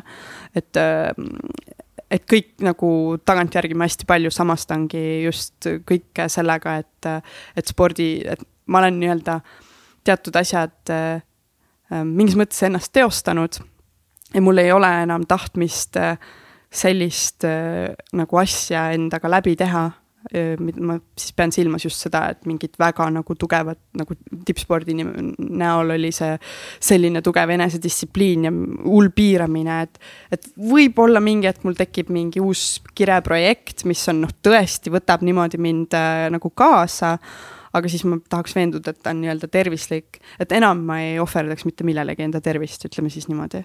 väga ilusasti öeldud. Mm.. et see nagu, ma ei näe absoluutselt äh, väärtust sellel kuidas sa selle füüsilise mina pildiga hakkama said? tippsportlased, eriti nagu naised mm, -hmm. et kui sa oled harjunud olema väga peenikene, sul tekib ka moonutatud ilu arusaam mm, -hmm. milline sa oled ilus mm. -hmm. kuidas sa sellega mm -hmm. rahu tegid? alles kolm nädalat või neli nädalat tagasi ma tegin Youtube'i video sellest, kui raske see on muuseas, et see on tegelikult äh, tänaseni Äh, eks ma olen nii-öelda, ma ütleks, ma olen võrdlemisi enesekindel ja ma nagu äh, isegi kui on neid momente, kus ma olen, et täiesti lõpp, ma ei olegi enam, ma ei tea, suurus null, siis tegelikult ma hästi kiiresti suudan sellest nagu välja ennast äh, snap ida ja, ja olla, et come on, et Johanna sa ei ole kümneaastane enam et nagu tule maa peale tagasi. aga, aga see on täiesti reaalne asi ja ma olen seda äh, ja ma just Youtube'is rääkisingi sellest mingi kolm nädalat tagasi, sellepärast et, et ma olin seda pannud Instagramis tähele mingitel teistel tippiluuisutajatel, kes täna enam ei uisuta, kes samamoodi on, et et nii imelik on olla nagu selline, et sul on natuke rinda ja puusa, see on tõesti nagu imelik. Oh.. et äh, aga, aga selles mõttes äh, noh, nagu ma ütlesin, et äh, suht sihuke peamine, et mul oleks hea olla mm. et, et noh, paks ma ilmselgelt ei taha olla, see, see pole tervislik. aga no siin on päris pikk tee minna. selleks Nagu võiks on. veel uusi harjumusi juurde võtta. Sorry, aga kui sa peaksid andma võib-olla nagu mingit nõu kellelegi, et kuidas äh, me ütlesime, et me nõu ei anna siin. aga kindlasti keegi nagu nii palju noori ka, noh, ma usun, et meid kuulab, kellel on üldse täpselt nagu ükskõik mis võib-olla toitumishäired või üldse mingi täpselt minapildiga murekoht, et siis oleks ikka hea, kui sa, kui sa enda vaateväljast annaksid mingeid nippe, mida sina teeksid. Mi, mille kohta ma nõu pean andma? just, et enda minapildiga. ja toitumishäiretega, kui sa selle hakkama ka, saada. see on ka hea mõte, et ma hakkasin küsima nagu ainult minapildi ei, aga tegelikult nagu ma, ma, noh, ma ei, ma ei kujuta ette, mis tänane tegelikult noorus nii palju teeb, aga ma kujutan ette, et see võib olla ka täna teemas paljudel. oh, see, kui palju see teemas on, on, on puh, täiesti, paneb pead, pea pööritama, sest et äh, Instagramis. ja, ja kusjuures, kui ma aasta tagasi sellega nii-öelda avalikuks siis tulin ja selle. Youtube'i tegin, siis hästi palju võeti ühendust minuga. just mingisugused lapsevanemad, kellega ma ei tea neid, aga kirjutasid, et umbes vaatasin su Youtube'i, nii tore, et mul nagu last, lapsega täpselt sama probleem. inimesed, kes ei ole üldse sportlased ja ka sportlased võtsid ühendust, et nagu puh, pilt läks nii nagu selgeks selles kõiges ja see oli päris nagu kurb ähm, ja kui ma peaks nagu nõu andma, siis äh, ma kõigepealt köhatan taas, vabandust kuulajate ees. Ma ei tea, mis mul seal kurgus on mul oli allergia eile ja sellepärast midagi on siin igal juhul. Äh, nõu mm, ma pean vist tagasi siia tulema natuke, sellepärast ma pean natukene seedima, ma ei tea, mis nõu esimese hooga anda, et aga pigem minu, minule toimis ülihästi tõesti see ja see toimib tänaseni, et kui ma kirjutan üles äh, mis ma tahan olla ja mis ma ei taha olla ja kuidas siin, et teen enda jaoks hästi selgeks, mis on mingi teekond äh, mingi asjani, siis, siis on nagu lihtsam sellest kinni pidada ja ja tõesti, see eneseusk on nagu teine asi, mis, milleta noh, mitte midagi ei saa elus minu arust ära teha.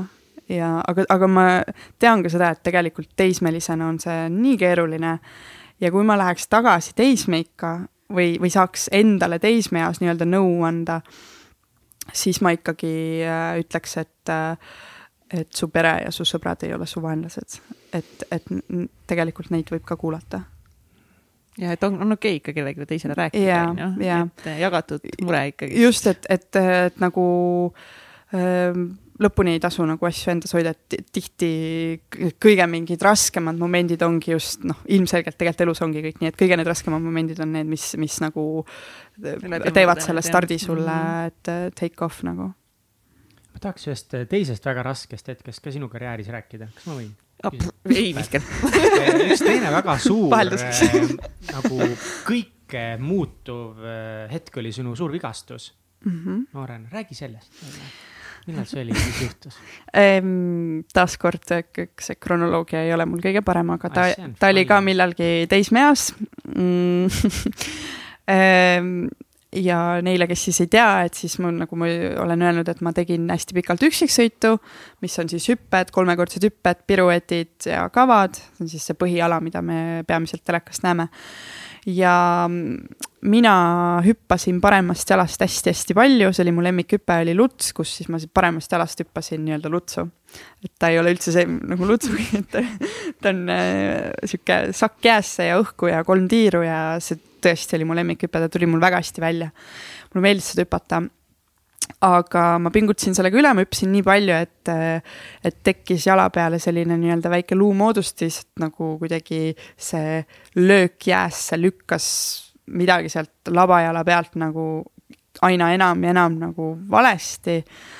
mis siis kulmineerus sellega, et üks hetk ei tahtnud enam uiski jalga minna ja oli nii valus, et ei saanud uisku enam pealt kinni siduda ja ma hakkasingi kusjuures kandma uisku niimoodi, et ta oli la lava pealt oli natuke lõdvemalt. et noh, et ma ikkagi saaks uisu jalga panna aga kuna, kuna see läks noh, tõesti, et, et ta nagu hakkas levima ülespoole, see valu, siis, siis ja ma käisin niikuinii arstide juures, aga aga siis üks hetk me läksime nagu vähe tõsisema arsti juurde ja, ja siis mulle öeldi seal niimoodi, et nüüd ja ma olin, ma arvan, ma olin viisteist ja siis mulle ja siis ma veel mõtlesin, et võiks olümpiale saada ja mul olid nagu teatud päris siuksed tõsised unistused ja eesmärgid ja siis mulle öeldi, et et sa kas äh, lõpetad kohe täna hüppamise nii-öelda kogu eluks. Või siis me amputeerime selle sealt põhimõtteliselt, et äh, ma mäletan, ma, ma ei mäleta täpselt seda, et mulle niimoodi öeldi, aga mu ema mäletab seda, ta oli minuga, mina olen päris palju selliseid halvemaid mälestusi mingis mõttes ära blokeerinud oma mõistusest, ma tõesti nagu ei äh, on päris palju mingeid asju, mis tagantjärgi on nagu kas meenunud või mingitest videotest meelde tulnud, et siis see oli ka üks nendest momentidest, mis oli päris suur selline äh, ähm, nagu väga suur pöördpunkt kogu selles uisukarjääris, sest et siis edasi oli otsus, et ma ei hüppa enam. kas on võimalik teha tipptasemel olümpial lõuda ilma selleta, et sa teed neid kolmekordseid mingeid hüppeid? Äh, üksiksõidus mitte, kohe kindlasti mitte, minu alal ei, ei. ühesõnaga kõik? kõik. Finita. jaa ja aga noh, selles mõttes õnneks on uisutamises ka teisi alasid ja sealt äh, see, sellele järgneski nagu mõte, et kas ma nüüd lõpetan ja noh, et oli ka mõte, et äkki jalg paraneb ikkagi ära. et noh, nii noor ka ja ikkagi asjad paranevad.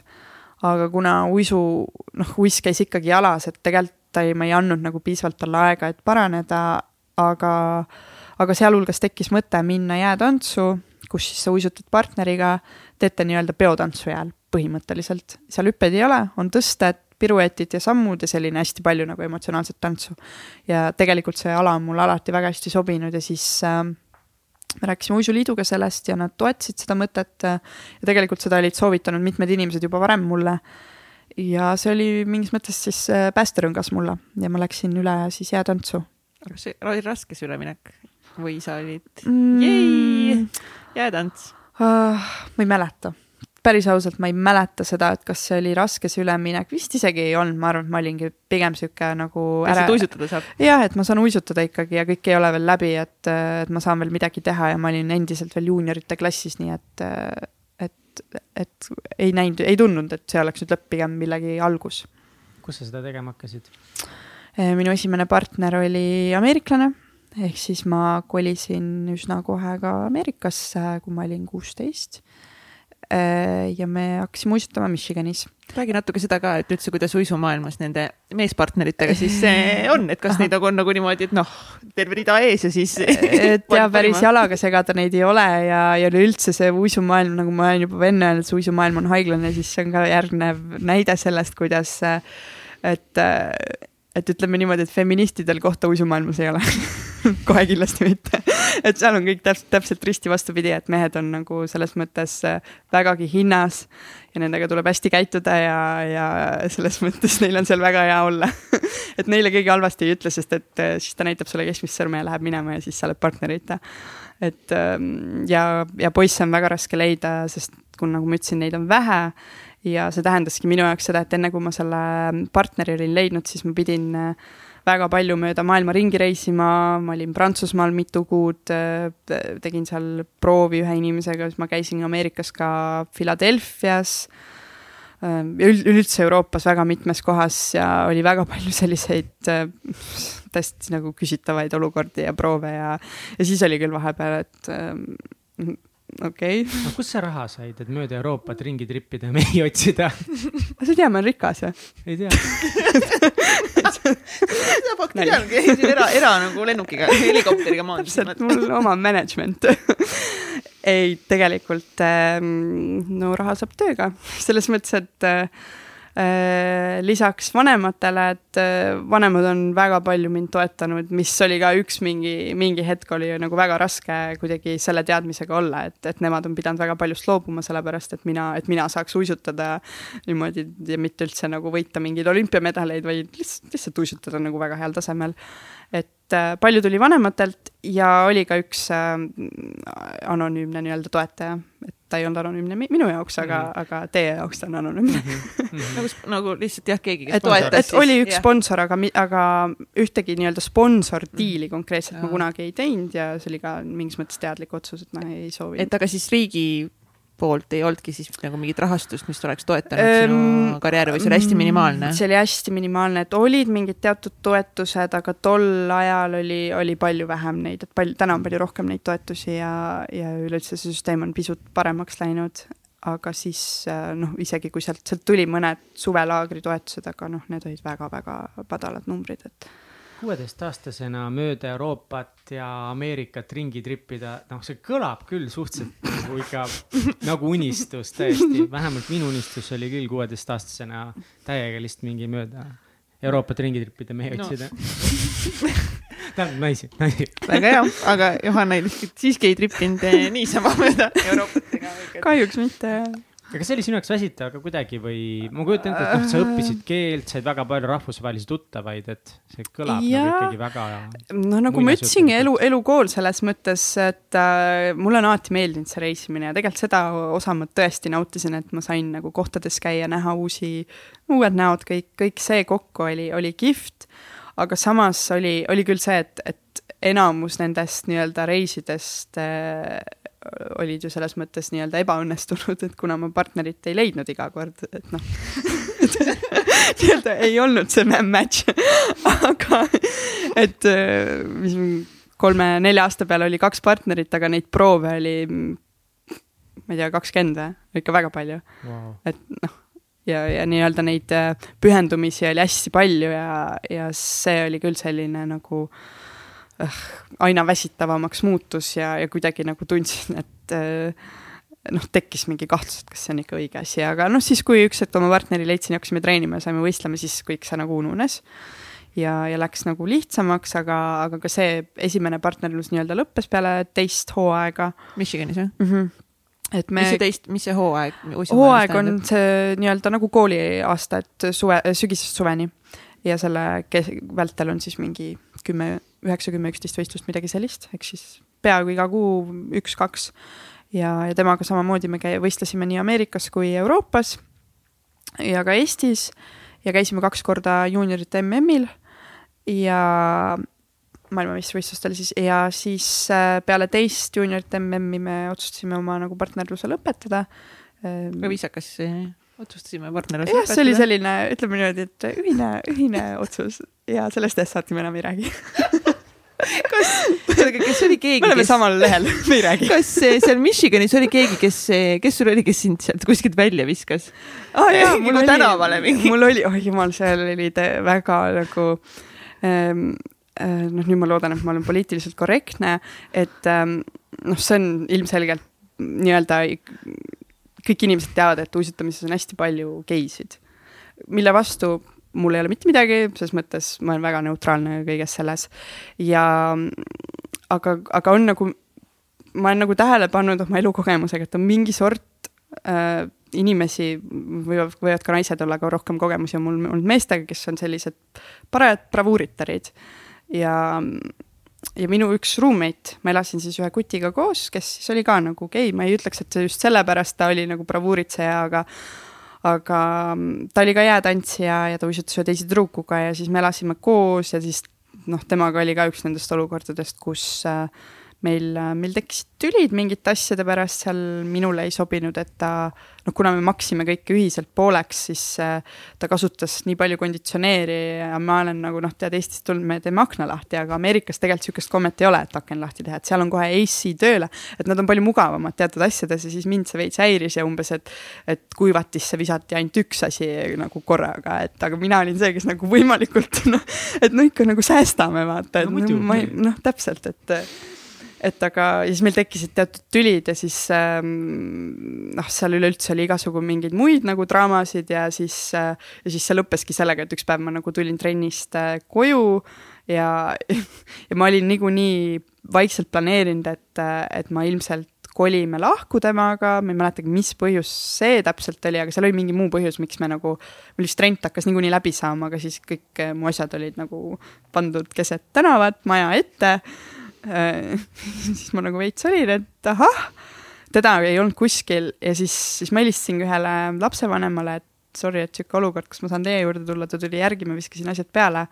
ma olin ise nagu, mis asja, aga siis samas ma mõtlesin, et okei okay,, tegelikult tore on, et, et viskas välja, et ma ei pea temaga rääkima rohkem et nagu mingeid siukseid täiesti nagu imelikke olukordi on nagu päris palju olnud kogu, kogu selle asja vältel, et äh, nii-öelda issanda loomaaed on väga kirju olnud ja ja igasugu on olnud partner, kes äh, varastas äh, raha minult selja tagant ja, ja üks äh, kes käis minuga nii-öelda Eestis proovimas, kelle, seesama, kes minult nii-öelda raha varastas, siis tegelikult me otsustasime, et me ikkagi pikendame seda proovi ja, ja ta tuli ka Eestisse ja ta ööbis meie juures ja siis tema nii-öelda ähm, ta pidi siis minema oma kodumaale tagasi ja siis peale seda me pidime koos saama kokku Moskvas ja seal nagu jätkama treenimist.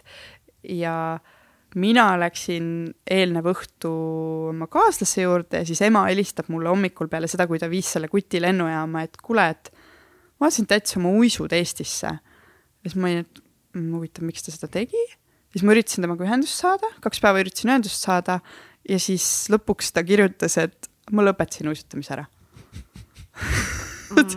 ja siis mul olid mingid rõvedad kaunad olid seal toas ja siis mu vanemad olid nagu, mis asja, kust see nüüd nagu tuli? ja siis, ja siis ta tõesti, ta ütleski, ta ütles, et asi pole üldse sinust, ma lihtsalt otsustasin, et ma nagu lõpetan. ja siis ma ütlen, aga mis ma nüüd su uiskud, miks sa need uisud, võta kaasa nagu, mis ma nüüd pean tegelema nendega, vaata. ja siis ma ei mäletagi, mis seal edasi tuli. aga kas teie aitasite üldse temal nagu rahalist Eestit no,, maksite kinni? me alati maksime poisi eest kõik kinni. super ta tuli lihtsalt. oota, kui vanaks saab iluuisutamist alustada? viieselt kunagi pole liiga hilja, poisid on, poisid on hinnas. okei, mul on, ma olen suht kiire õppija. kuule, oota, kas sa oled elanud Moskvas ka mm? -hmm. uh, räägi Moskvast uh,. kas Moskvas on lahe elada või? Moskvas on, selles mõttes ta on taaskord väärt äh, nagu koolituseluks ja ma olin, ma olin neliteist, kui ma esimest korda sinna läksin, siis ma äh, mul oli algul esimesed viis päeva oli ema nagu seal, aga siis ta läks ära ja siis ma pidin üksi hakkama saama. ta aitas siis alguses sul vene keeles no, hakkama saada, seal inglise keelt nagu suvalist inimest väga palju ei räägi. seal ei, ja pluss kõik sildid on vene keeles, kõik metrood ja kõik sellised asjad, et äh, ma olin nagu pisut oli silme eest kirju, sest siis ma ei osanud veel. ja kui ta ära läks, siis tegelikult läks päris raskeks just selles mõttes, et ei olnud kellegagi rääkida ja keegi väga ei tahtnud minuga rääkida, kuna ma olin nii-öelda konkurent äh, kuskilt mujalt tulnud, noh, nii-öelda nagu ähm, murdsin sisse sinna nende mingi kes keskkonda terviseks. Ja aga, aga siis oli jälle selline, et noh, et taaskord kõik on mu enda kätes, et mis ma siin nagu mölutan, siis ma läksin sõnaraamatuga trenni üks päev, läksin ühe tüdruku juurde siis luge-, veerisin talle sealt välja, et mis mu nimi on ja, ja et mida ma temalt tahan, ma ütlesin, et ma tahan vene keele õppida ja siis, siis ta hakkas rääkima minuga. ja, ja kõik teised tüdrukud tulid ka nagu ligi ja hakkasid minuga nagu aitasid vene keelt mul õppida ja siis äh, selle aja lõpp, mis ma, ma ei tea, kui kaua ma seal lõpuks olin, mingi kuu äkki või, selle lõpuks rääkisin soravalt vene keelt ja siiamaani nagu nende tüdrukutega olen heal nagu suhtlusel ja see oli niisugune väga nagu hästi positiivselt lõppes see kõik. ja siis äh, mitu aastat hiljem, kui ma juba jäätantsus olin, siis ma äh, läksin samuti Venemaale treenima. Äh, vot see oli kohe peale seda, kui see poiss nii-öelda need uisud mulle jättis, siis mina ikkagi läksin Venemaale just sellepärast, et äkki ma leian sealt poisi siis. Noh, oli järjekordne mingi noh kunagi ei tea tegelikult, olgem ausad nagu. täpselt, täpselt, et noh, Venemaal neid, neid on nagu rohkem ja seal olid hästi head treenerid, kes mulle meeldisid ja siis äh, ma nii-öelda elasin oma isa äh, sõbra juures, kes noh, on nii-öelda peretuttav siis, kel, kes tegi seal tööd äh,. ise ta oli lätlane, et kuna tal oli töökoht seal, siis tal oli äh, korter lisatoaga ja muidugi tule ja, ja seal oli kuidagi, see oli nii selline kuidagi Moskva, ma ei oska päris kirjeldada seda, aga Moskval on mingi selline oma hingamine, mis hästi ruttu tõmbab sind endasse kaasa. ja kuidagi, ma ei mäleta, kas te mäletate, mingi mitu aastat tagasi olid äh, Moskva lähistel hästi suured metsapõlengud, sest räägiti uudistes ja niimoodi, et, et kogu Moskva oli suitsu sees. ma ei tea, kas teil tuleb ette, aga see oli, ja vot sel ajal olin just mina seal ja, siis ma mäletan nii hästi, kuidas ma seisin seal äh, oma korteri rõdul, ma elasin täielikus noh, nagu seal inim-, kõik elavad nendes suurtes nagu Lasnamäe-laadsetes nagu elumajades ja siis mina elasin ka ühes neist ja mäletan nii hästi, kuidas üldjuhul kõigil soovitati maski kanda, kuna noh, suitsu oli nii palju, aga siis ma nägin, inimesed seisid seal rõdul ja hingasid seda suitsu sisse. noh, a la nagu nikotiin või ma ei tea, mida nad tegid, siis ma nagu nägin seda ja kuidagi kogu see Moskva elu mõjus mulle või noh, kuidagi mul tekkis endal ka tunne, et ma olen üks neist ja siis seal oli esimene kord, kus ma ka suitsu proovisin. Et ma vist suitsetasin kokku äkki see on ka üks asi, mida mu vanemad ilmselt ei tea, vahet ei ole enam. ma lihtsalt tegin mingi neli suitsu kokku, kokku, nagu seal, rohkem ei ole teinud aga seal samamoodi nagu tekkis tunne, et hakkaks ka kimuma, oleks ka sihuke kohalik. Adidasid tagantjärgi mõtled, issand, kui nagu totter see kõik oli, aga tõesti Moskvas miski mõjus seal ja, ja mingis mõttes mulle hullult meeldis, seal oli nii nagu kihvt kuidagi see masendus ja kõik see nagu meeldis mingis mõttes. aga seal oli väga-väga raske, sest et seal oli see, et iga päev ma sõitsin mingi kahe või kolme metrooga poolteist tundi jäähalli, niimoodi Moskva teisele poole, ehk siis iga päev sa istud kolm tundi metroos, niimoodi loksud seal mingid noh, siuksed veits mingid imelikud inimesed ka vahepeal ja, ja seda mulle ei meeldinud nagu näha. Eks mul oli seal ka igasugu mingeid juhtumeid jälle ja noh, ütleme niimoodi, et ma olen oma vanemad nagu ikka aast-, vanusest mingi, no ma arvan, neliteist kuni üheksateist ma ikka hoidsin oma vanemad kogu aeg tagajalgadel kõigi asjadega, mis minuga nagu toimus kuskil ja ja et nad nagu alati, selles mõttes lapsevanem on ikka mures ja nad alati nagu muretsesid, et on tal ikka kõik okei okay või sest noh, asju nagu juhtus nii palju, aga, aga kuidagi võrdlemisi ruttu ma olin alati noh, et ma just mõtlengi, et, et noh, et nii noorelt ikkagi nii palju üksi olla, et kas see kõik noh, sulle võib-olla see tunduski nii normaalne, aga oli see kõik nagu turvaline, kas sa kunagi tundsid nagu muret just oma mingi turvalisuse üle, olla nendes võõrastes riikides üksi, et väga paljud lapsed ei koge seda. mm,. ma olin ja ikka, noh, selles mõttes ma tegelikult mõistuse poolest hakkasin üsna ruttu nii-öelda kainelt mõtlema ja noh, et, et sellist päris crazy't teismeiga mul ei olnud ka, et ma ei, ma ei pannud hullu või midagi sellist ja et nad ei pidanud kunagi muretsema, et ma hakkaks pidutsema kuskil või, või narkootikume tegema, seda muret ei olnud üldse, et ma ikkagi alati teadsin, miks ma kuhugi, kuhugi lähen. Aga nii-öelda turvalisuse pärast äh, ma olen ainult Moskvas tundnud nagu muret äh,, aga siis oli ka asja eest, et mul oli ükskord selline Äh, stsenaarium, kus ma käisin äh, toidupoes. Äh, ja ma läksin peale, minu arust ma läksin kodust toidupoodi, ma ei mäleta, mida ma seal osta tahtsin, ilmselt mingit saia jälle on salaja ja ma läksin ähm, ma mäletan, ma läksin tühja seljakotiga, mul oli sihuke pisike, noh, sihuke kena tüdrukute seljakott. ma läksin poodi, ma tegin seal ringi peale ja siis mul oli, pagan, ma unustasin äh, raha maha ja siis ma kõndisin, ühesõnaga hakkasin poest välja kõndima, et ma lähen siis toon. ja siis täpselt nende nagu turva nende vahel tuleb turvamees mu juurde ja ütleb, et, äh, et ähm, ma ei mäleta, kas ta ütles mingi, et sa varastasid või et noh, et palun tule meiega turvaruumi. ja siis ma ütlesin kohe, et, et ei, ei, ma ei tule. mul oli kohe nagu hakkas pulss, et, et midagi oli nagu imelik ja, ja mul oli ka sihuke tunne, et ma nagu nägin, et ta jälgis mind, kui ma poes olin, sest noh, ma veits olin sihuke imelik, et ma lihtsalt kõndisin ja siis läksin minema, aga samas inimesed teevad seda, eriti ma olin nagu noor ka, et. et äh, võib-olla ma tõesti jätsin kahtlase mulje, aga ühesõnaga äh, siis, siis ta ikkagi nõudis, et, äh, et tuled turvaruumi, et me vaatame su koti üle ja siis ma mõtlesin, no okei okay.. ja siis ma kiirelt äh, korra helistasin emale, ütlesin, et kuule, et midagi on vist veits valesti, kas sa saad veits raha mulle kanda nagu juurde kontole, et noh, mõtlesin, et vaja, siis maksan midagi, eks. Üldjuhul Venemaal need asjad niimoodi käivad ja siis äh, ta viis mind turvaruumi. Äh, ja siis äh, oli seal mingi naine, kes siis ilmselt seal poes töötas ja põhimõtteliselt see oli nagu kokkumäng, kus nad tahtsid mult raha ma ei olnud mitte midagi varastanud ilmselgelt, aga nad tahtsid nagu hirmutada mind.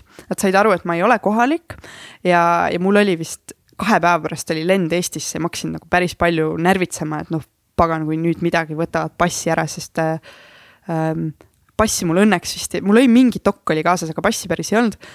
ja, ja ma mäletan, et nad nõudsid, et ma mingi paberi täidaks, kus ma pidin oma andmed panema ja siis ma panin sinna, panin, et ma olen Ukrainast, mingi täiesti teise nime, kõik nagu äh, vale numbrid. ja siis ma maksin neile äkki mingi sada viiskümmend euri ja siis jooksin koju aga vot see oli tõesti sihuke, kus ma jooksin koju, mul oli pulss ülikõrge ja ma vist ei tulnudki rohkem kodust välja kuni lennukini et see oli väga sihuke hirmutav kogemus ma tahan jälle nüüd täiesti muuta kõike, millest me räägime, arvestades kõiki neid crazy sid asju, mida sa läbi elanud oled äh,, mööda maailma mehi taga ajanud, jalad puruks hüpanud, buliimiaga võidelnud kaheksa aastat.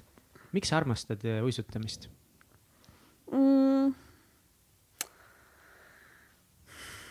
Mm, sest et see on äh uisutamine on minu jaoks see üks tegevus, kus ma tunnen ennast nii iseendana ja nii vabana ja nii enesekindlana, et äh, ei ole ühtegi teist tegevust mu elus olnud, mis nagu samastuks sellega. et kui ma saan uisud jalga panna, siis ma tunnen, tunnen, et ma oleks justkui äh, nii-öelda äh, invincible sellepärast. ja, ja, ja see isegi ja see tunne süvenes peale seda, kui ma lõpetasin spordi et siis, siis see tekkis veel tugevamalt, et spordi ajal oli, oli nagu natuke teistmoodi, aga siis, kui kadus nii-öelda see ära, et, et see, ma ei pidanud enam midagi saavutama, siis ma sain nagu eriti palju sealt tagasi. ja, ja mulle meeldib ka see, nüüd ma muidugi kõlan vähe nagu snoobina, aga mulle tõesti meeldib see, et ma teen nagu midagi sellist, mida kõik ei oska.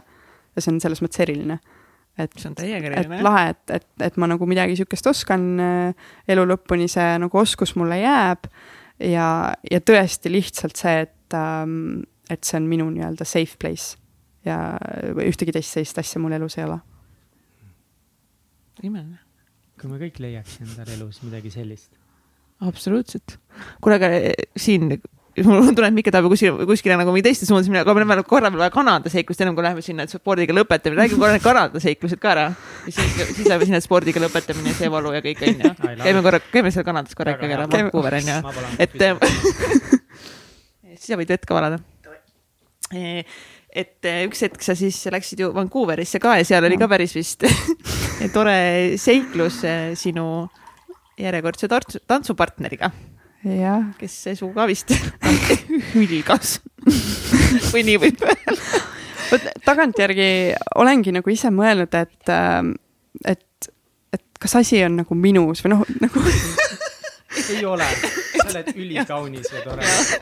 ei nagu, aga noh, selles mõttes äh, üleüldse ega paljudel nii-öelda inimestel lähevad ka niisama suhted järjestikku lähevad nagu nii-öelda metsa ja, ja ilmselgelt sa hakkad mõtlema, et mis ma siis nagu valesti ja. teen. ja on olnud päris palju neid momente, kus ma olen tagantjärgi nagu mõelnud ja, ja ma ikka olen jõudnud sinna, et tegelikult tegelikult ma olen normaalne. ma mõtlesin, et sa ütled, tegelikult ma olin ka nahmakas ei, mitte päris, et eks äh, kindlasti olen ka mina saanud äh, teatud olukordi vähe teisiti lahendada, ilmselgelt muidugi üldse ei, ei hakka seda maha salgama, ma ei ole ideaalne. aga, aga tegelikult see, see, mida nagu uisumaailmas äh, on võimalik kogeda, on, on väga, väga eriskummaline. Ja ja noh, viimane seik nii-öelda jäätantsus oligi siis nagu te ütlesite, Kanada. Ehm, see siis ma läksin oma Ameerika partnerist lahku ja tegelikult peale seda ma vist ei otsinudki väga kaua, et üsna ruttu oli Vancouveris üks ehm, noormees, kes mulle nii-öelda huvi pakkus, tundus, et äh, pikkus sobib ja, ja mängis ka rolli see, et mul on sugulasi Kanadas, Vancouveris ja lisaks äh, oli seal nagu lihtne nii-öelda elamine leida, ühesõnaga mõeldud-tehtud, ma lendasin sinna ja me tegime proovi, see oli hästi positiivne, äh, üsna kohe nagu otsustasimegi, et jäämegi uisutama ja ja siis oli see moment, kus äh, ma nii-öelda otsustasin ka seda, et okei okay,, et ma siis ülikooli ei lähe sügisest, et ma pühendun siis nii-öelda sellele partnerile ja sellele elule Kanadas ja eks siis ole näha, mis nagu muust saab, et, et, et natuke see oli ähm, natuke raske, aga mitte nii raske, sest et ma tõesti arvasin, et, et see on nagu õige asi, mis seal on, et tõesti tundus, et me nagu jube hästi klappisime jääl ja, ja meil hästi kiirelt nagu hakkas ühine uisutamine, et sul peab päris tugev sünkroon olema partneriga ja see tekkis meil väga ruttu. aga samas nagu Eestisse jäi tolleaegne kaaslane ähm,, noh, ülikooli ei läinud ja noh, nii-öelda ma jätsin päris palju asju nagu ripakile, mis äh, noh, tagantjärgi mõtlen ka, et, et võrdlemisi nii-öelda külma südamega suutsin seda teha, et, et võib-olla täna ma küll nagu ei kujutaks ette, et enam midagi sellist teeks. aga ühesõnaga läksin ja me treenisime terve suvi koos, meil kõik oli nii-öelda hästi, natuke ma jagelesin mingite väikeste vigastustega, aga mitte midagi nagu hullu ei olnud, pigem, pigem kõik sujus plaanipäraselt ja hästi ja, ja lisaks ma tutvusin seal oma praeguse parima sõbrannaga ka, mis oli nagu eriti tore, et üks Soome tüdruk, kes siis seal elas ja nüüd ta elab Soomes, nii et äh, me saame endiselt väga palju näha ja see oli nagu, see oli nii-öelda minu nagu sealne päästevest siis. sest et kõik oli hästi, kuni siis selle hetkeni, kui me tulime Eestisse augustis, meil oli Eestis oli proovivõistlus, kus me esimest korda näitasime ennast uisuliidule. meid võeti väga positiivselt vastu ah,. ja kusjuures Eestis oli ka üks selline huvitav seik, et ähm, äh, uisuvõistlustel on tavaliselt eelnevalt on soojendus, kuus minutit, kus äh, siis kõik lähevad, kõik selle grupi uisutajad lähevad jääle, sõidavad end soojaks ja teevad kõik oma asjad läbi kuue minuti jooksul. ja jäätantsus on see täpselt samamoodi. ja me tegime oma soojendust ja äh, me tegime vist mingit sammu, kus siis ta äh, kogemata lõi oma uisu mulle jalasse uh. Nagu uisujalasse. defineeri lõi uisujalasse. no mul on teksad, ma ei saa näha, mul on seal selles mõttes sihuke väike arm. et äh, see uisk ei jäänud ilmselgelt kinni, aga ta läks, äh, uisukand läks mulle jalga korra ja siis väljus sealt ja ta läks umbes noh, mingi poole sentimeetri, peaaegu sentimeetri sügavusele. et ta tuli päris suure hooga nagu lõi mind koge-, kogemata ilmselgelt niimoodi. Ja, ja siis oli nagu paras sihuke šokimoment, et mis nüüd, sest et hakkas kohe veritsema ja siis noh, teoorias ma oleks pidanud nagu mine, mine koju, puhka, onju. aga siis me istusime sinna jää äärde, mulle kutsuti kiirabi aga jäähalli selle esmaabipakiga mul kiirelt pandi jalg nagu kinni, et, et veri ei tuleks läbi. ja me sõitsime kava ära ja siis kohe peale kava ma istusin kiirabist sõitsin õmblema. Ja siis oli see oli jälle, ja mul on nii naljakas video sellest, kuidas, vaata adrekas oli üleval, siis ei tunne valu ka ja noh, sihuke oligi veits, oh, ma olen sihuke kangelane päris no, selline jah. nagu, aga, aga just tagantjärgi ma nägin äh, mingit äh, isa vist filmis seda kava ja siis ta muidugi käsi värises terve aeg ja, ja siis ta pisut kommenteeris ka ja mul on video peal see, kuidas äh, me nagu enne kava veel mõtlesime, kas me teeme tõstet kavas või ei et noh, kuna mul ikkagi see jalg on, et äh, kuna just uisk oli jalas. just, et, et siis me partneriga otsustasimegi, et kava ajal nagu omavahel suhtleme, kas me teeme või ei. aga nii-öelda need, kes seal jää ääres siis olid ja treener, siis me nagu ütlesime, et me ilmselt ei tee. ehk siis nad ei arvanud, et me lähme tegema ja siis seal oligi niimoodi, et isa filmib, filmib ja siis ta näeb, et ma lähen tõstesse ja siis ta hüüab kaamerasse, ei, palun ei see kõik on video peal ja see on nii sihuke armas, siiras. palun, miks sa teed niimoodi? siis ta arvas, et midagi juhtub, vaata. Et ma räägin, ma olen niimoodi hoidnud vanemaid tagajalgadel kogu aeg. aga selles mõttes äh, midagi hullu ei olnud, ma läksin kiirabisse ja siis nad lihtsalt õmblesid, oligi vaja õmmelda, et äh, õmmeldi jalg kinni ja ei olnud mitte midagi hullu. ja noh, oligi sihuke hea lugu, vaata. ja siis äh, sealt ma lendasin Kanadasse. Ja me nagu jätkasime trenne, aga midagi oli justkui, justkui teisiti ja päris nagu sõrme selle peale ei osanud panna, et noh, täpselt. ma ütleks, et jäätants on täpselt nagu suhe inimesega kellega sa, kellega teil ei ole mitte midagi romantilist.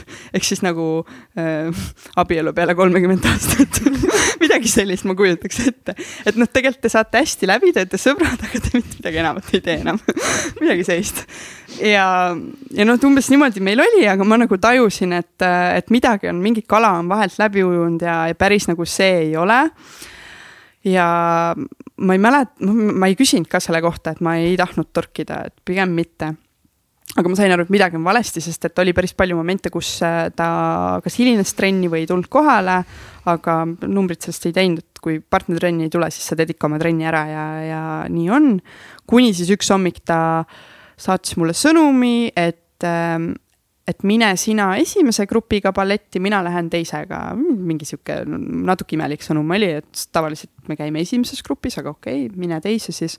ja siis ma käingi balletis ära ja astun uksest välja ja siis mul on vastas on tema ja siis see teine grupp, kes balletti läks. siis ta vaatab mulle otsa ja ütleb, et Joe, I can't do this anymore.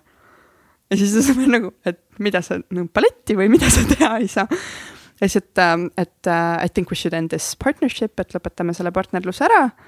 ja, ja siis see on nagu just peale seda, kus me oleme mingi spets Eestis käinud, uisuliidule näidanud, nagu kõigi lootused üles ajanud ja siis me läheme sinna ja kaks nädalat hiljem ta nagu et äh, puhka jalga, eks. ja siis äh,, siis ma olin noh, päris nagu šokis ja siis ma lähen nüüd balletti hästi nagu rahulikult, et, et lõpetame selle asja ära, ma lähen nüüd balletti ja saan mine nagu oma teed, eks okay.. ja kogu grupp vaatas selja taga. jah, ja lihtsalt nagu nad olid ka nagu šokis, vaata, aga, aga nad ei saanud üldse aru, kuidas nagu just sihuke asi juhtus, et, et üldjuhul pisut nagu vähe no, meeldivamalt võiks neid asju lõpetada või noh, mingi selgitus ikka või midagi sihukest, on ju, ja siis ma olin väga, väga endast väljas. Äh, pere oli mul puhkusel, ma ei saanud neid kätte. Ja siis ma mäletan, ma jooksin koju, kus sõbranna mul oli, siis ta oli nagu too hetk õnneks kodus, siis ma mingi nutsin ja ma olin täiesti endast väljas, mis nüüd saab ja ja noh, ta oli ka, ma ütlesin, rääkisin talle kogu loo ära, siis ta, oi kus ta oli, tuli temast see ema lõvi välja, mingi lämme lööme näo sisse lihtsalt kõik tuli sealt suust. ma ütlesin ei, ei, aga nagu mis nüüd saab, vaata, et ma just nagu tulin siia ja nüüd mida ma teen siin ja noh, see oli nagu tegelikult oli, noh, kuna mul olid, ma ei ütleks, et mul ei olnud nagu tundeid selle inimese vastu üldse, aga mul oli mingi sümpaatia meie selle partnerluse suhtes ja tõesti, mul oli usku sellesse ja see oli nagu päris sihuke nõme löök allapoole vööd ja siis äh,. ja siis okei okay,, magasin öö ära ja rääkisin lõpuks vanematega, nad olid ka täitsa šokis ja ema oli kohe, et okei okay,, et ostame sulle nagu esimesel võimalusel pileti, lähed koju. ja noh, mine räägi treeneritega ka, et treenerid ei ole üldse mitte midagi ei teadnud.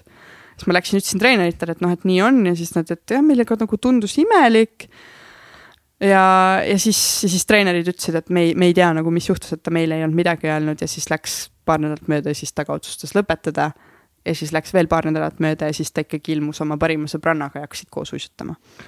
ühesõnaga mingi sihuke no see on ikka nii, ongi nagu mingi inimeste, nagu ongi suhte, suhtevärk kõik nagu, et ongi nagu üks hetk no,. palju, paljud jäätantsijad tegelikult ongi suhetes ja abielluvad lõpuks ja on, on väga palju selliseid äh, nii-öelda mm, olukordi, aga, aga noh noh, ilmselgelt minul, minul selliseid asju ei olnud, aga. see tundub mõnest, noh, ongi nagu tegelikult päris raske olla üldse suhtes, kui sa teed ükskõik mis tippsporti mm, -hmm. et see nõuab nii palju ohverdust, aga samas sina, kes siis noh, reisid mööda maailma palju, pluss nagu ma arvan, et äh, mehed või naised, kes on just iluuisutajate või tipptantsijatega paaris, et alguses seal peab olema päris palju enesekindlust, sest see võib võhikule tunduda nii romantiline mm., nii kaunis, et noh, ajapikku kõik saavad aru ja sa hakkad mm -hmm. tundma, et see on nagu noh, nii platooniline yeah. ja, ja aga ikkagi see näeb kõik nii romantiline välja. ja, ja see, see ongi tuleb, eesmärk, vaata. muusika, sa vaatad talle silma, sa lendad õhus. ja see on nii šarmikas selline ja, ja see, aga see ongi eesmärk ja tegelikult see on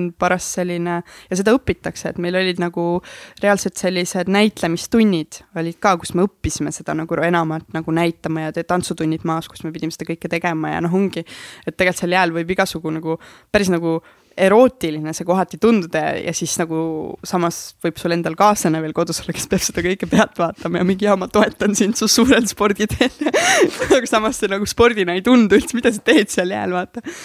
et see kõik on nagu päris, äh, et, et tagantjärgi või noh, tol ajal ma isegi oli mul minus mingi nagu soov, et, et leida partner, kellega olekski võib-olla midagi, et siis on nagu eriti lihtne seda kõike Just, teha, aga. saate jagada seda palju loomulikumalt. ja, aga, aga noh, seda ei, ei juhtunud, äh, noh mm., ilmselt on parem nii mm. -hmm. mis oli võib-olla sinu siis spordikarjääri kõige meeldejäävam hetk sinu jaoks? Äh, mõtled positiivselt? positiivselt, positiivselt kõige meelde minu viimane võistlus minu kõige viimane päev sportlasena see oli kõige parem hetk. räägi sellest um,. oota, enne kui sa rääkisid, räägi üldse, miks sa siis otsustasid lõpetada? jaa um,, noh, nagu ma ütlesin, siis mul oli ikkagi üks minu eesmärk oli nii-öelda tõestada endale, et ma saan seda asja teha tervislikul viisil ja niimoodi, et ma naudin seda ja, ja et ma saan sealt nagu palju rohkem kui lihtsalt seda, et ma tambin end ja, ja mingi tulemuse nimel, et mul ei olnud enam eesmärk see tulemus, vaid oli see, see tunne, mis sealt tuleb, see oli kõige olulisem asi minu nii-öelda lõpu juures.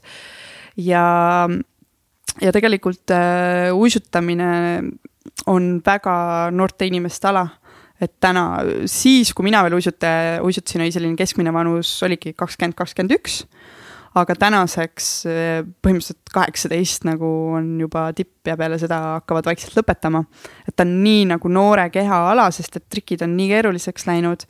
ja üks põhjus oligi see, et ma, üks, esimene põhjus oli see, et ma ei tahtnud niimoodi pühenduda enam ma ei tahtnud, et see oleks ainus asi, mis mu elus on, aga ma teadsin, et, et kui ma seda täies vinnas teen, siis mitte midagi muud ei saa nagu sealjuures olla.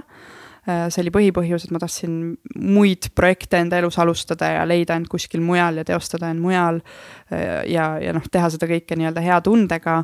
teine põhjus oli see, et ma olin nii heas kohas elus, et ma tahtsin lõpetada positiivse noodiga. ja, ja kolmas oli see, et ma teadsin, et äh, minu nii-öelda äh, lagi on käes, et äh, et kui ma tahaks midagi enamat saavutada uisutamises, siis ma peaks nii roppu tööd tegema ja see ei kaalunud üle kõiki muid äh, ilusid elus, kui, kui see nii-öelda spordisaavutus. okei okay,, ma lähen nüüd. Tšau.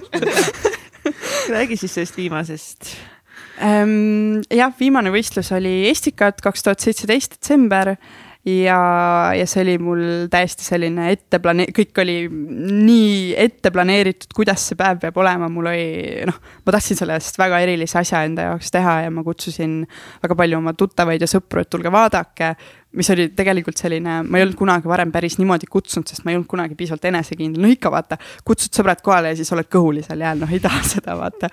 aga mul oli kuidagi, et ei, et nad tulevad, kõik läheb hästi, ma teen väga ilusti ja, ja ma saan nagu pakkuda midagi publikule. nii huvitav, kuidas su mõtteviis ka pärast seda, kui sa olid ennast tervislikult viinud mhm. heasse kohta, nüüd sa said teha, sa olid vist mingi pool aastat, võib-olla mm -hmm. mitte nii pikalt mm, -hmm. aga sa olid juba nagu tervislikult, vaimselt mm -hmm. ja toitumisega tervislikult teinud seda trenni mm -hmm. väga küpselt ja mõtle, kuidas see muudab meie mõtlemist sa oled palju enesekindlam nüüd järsku. jah, et ma olin tõesti nagu äh,, lisaks tuli ka see nii-öelda visualiseerimine sinna juurde, kus ma teadsin täpselt, kuidas mul nagu nii-öelda kavad lähevad.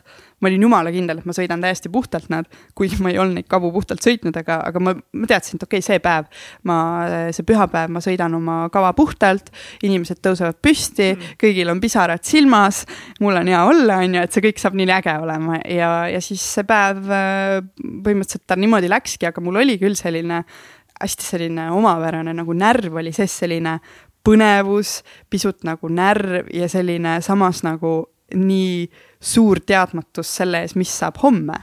kui ma ärkan ja ma ei lähe trenni ja ma ei lähegi enam trenni, see oli nagu, mu nagu mõistus päris sellega ei suutnud äh, sina peale minna ja, ja, ja see võttis ka pärast päris pikalt aega, enne kui see niimoodi juhtus. ja, ja see võistluspäev läkski täpselt niimoodi, et ma sõitsin kõige, oma elu kõige parema kava äh, ma ei teinud ühtegi viga ja ainus, mis oli pisut nagu üllatav minu jaoks, oli see, et kui ma kava lõpetasin, siis ma mäletan, et ma hingeldasin ja ma mäletan, et ma nagu panin käed põlvedele ja ma hingasin ja siis ma mõtlesin endamisi, et hmm, ei olegi pisaraid.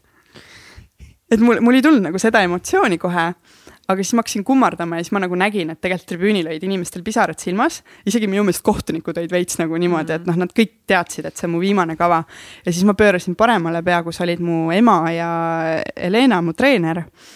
Ja nemad olid täiesti mingi nagu nad olid, mõle-, mu ema oli täiesti lahinal, nuttis ja noh, Glebova ei suutnud ka väga end tagasi, nad olid mõlemad nagu nii kuidagi, see läks neile nii hinge ja, ja noh, kõik see aeg, mis me nagu koos olime läbi elanud, oli nii pikk ja samas nagu nii positiivne, noh, kohati oli nagu kurb, aga samas nii tore ja siis mul nagu läks ka, tulid noh, kui teisi näed nutmas, siis tuleb endal ka sisu peale ja siis mul tulid ka veits pisarad silma ja ja ma isegi hindeid, ma üldse ei viitsinud vaadata neid, ma mingi lihtsalt lehvitasin õele telekas ja nagu oh, nii lahe. aga kuidas sul läks see võistlus mm,? ma olin äh, neljas kokku ja, ja tegin oma hooaja parima et aga tõesti üldse ei hoolinud sellest, et see kõik, kõik, mis ma tahtsin, ma sain ja nagu rohkemgi veel ja siis pärast seda me läksime äh, ema-isaga lasime linnahalli katusel ilutulestikku, sest see oli minu esimene jäähall linnahallis esimest korda, kunagi sõitsid ja mhm. vau, ma, ma olen vist ühe korra elus seal üldse sees käinud, kui seal midagi nagu oli. no mina olen linnahallis üles kasvanud. minu. oma piparkoogi oh snap Tootper Friends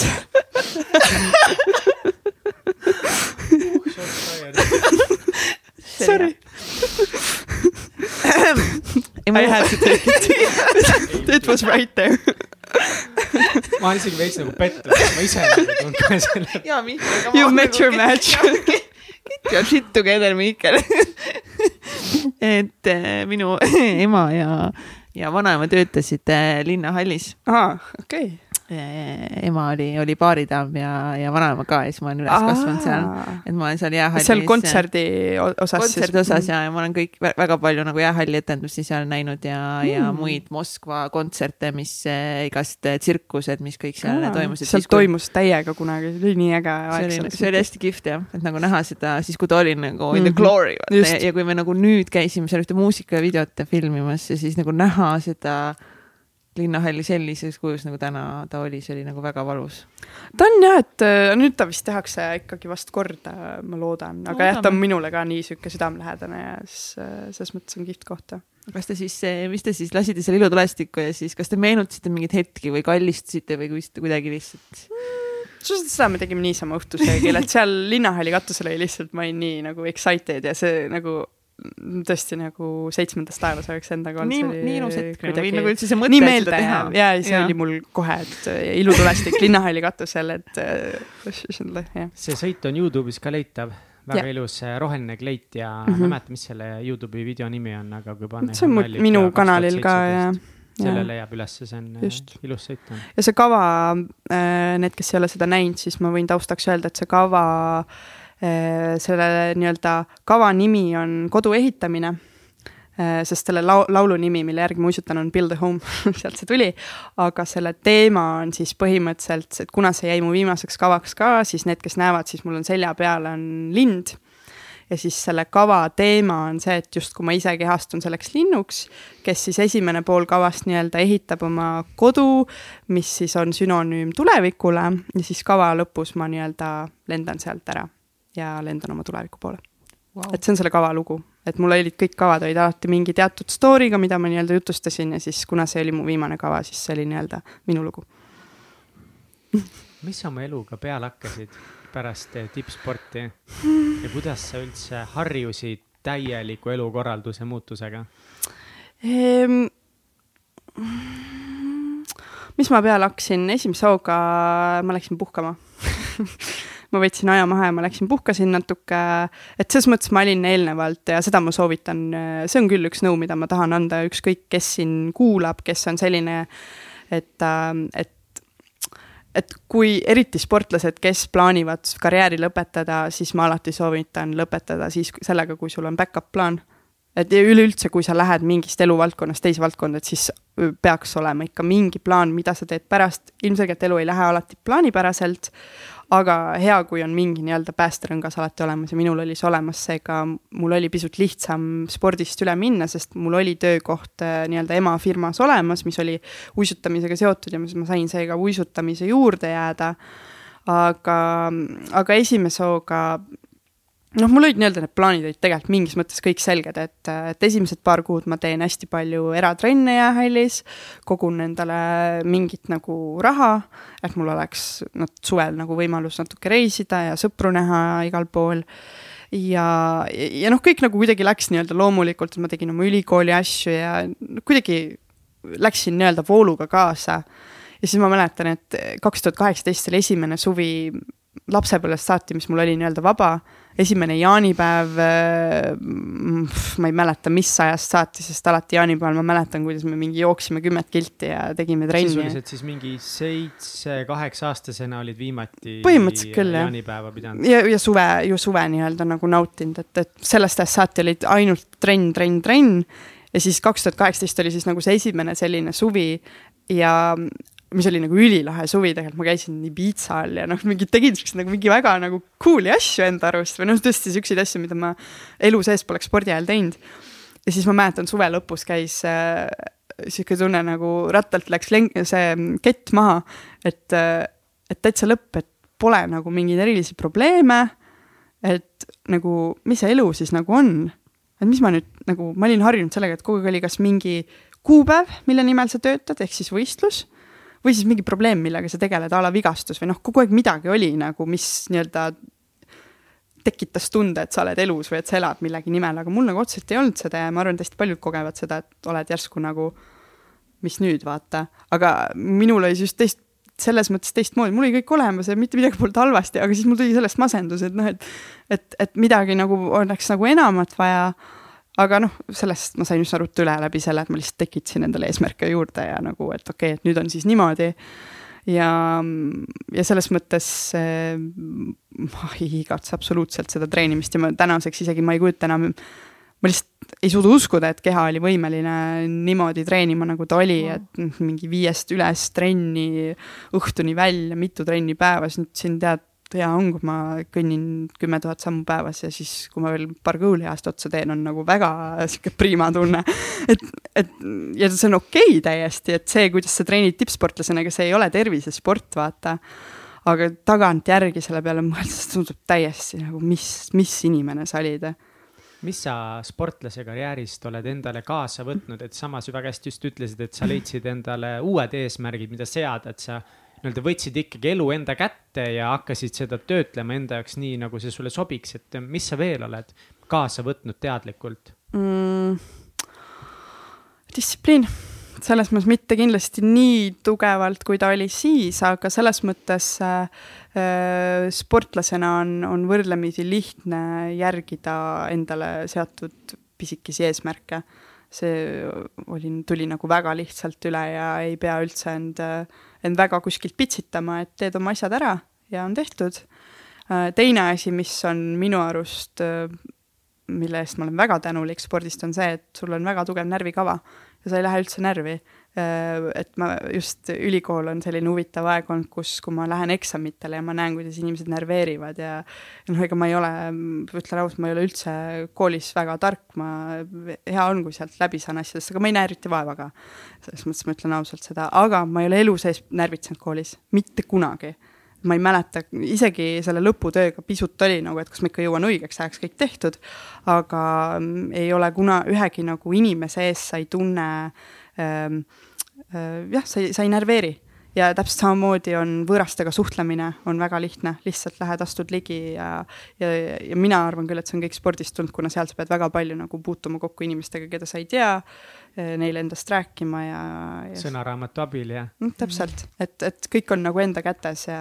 mul see kooliasi korra tuletas meelde, ma tahtsin enne mitu korda küsida, et kui sa kogu oma selle teismelise aja nagu reisisid, kus, kus sa gümnaasiumis käisid üldse? Ehm, ma käisin ehm, ma siis, mu haridustee on selline, et kõigepealt ma olin reaalkoolis, siis sealt ma läksin äh, põhikoolis ära, äh, just uisutamise pärast ma läksin Roka kooli, kuna see oli täpselt jäähalli juures, et siis ma treenisin seal Škoda hallis Haaberstis.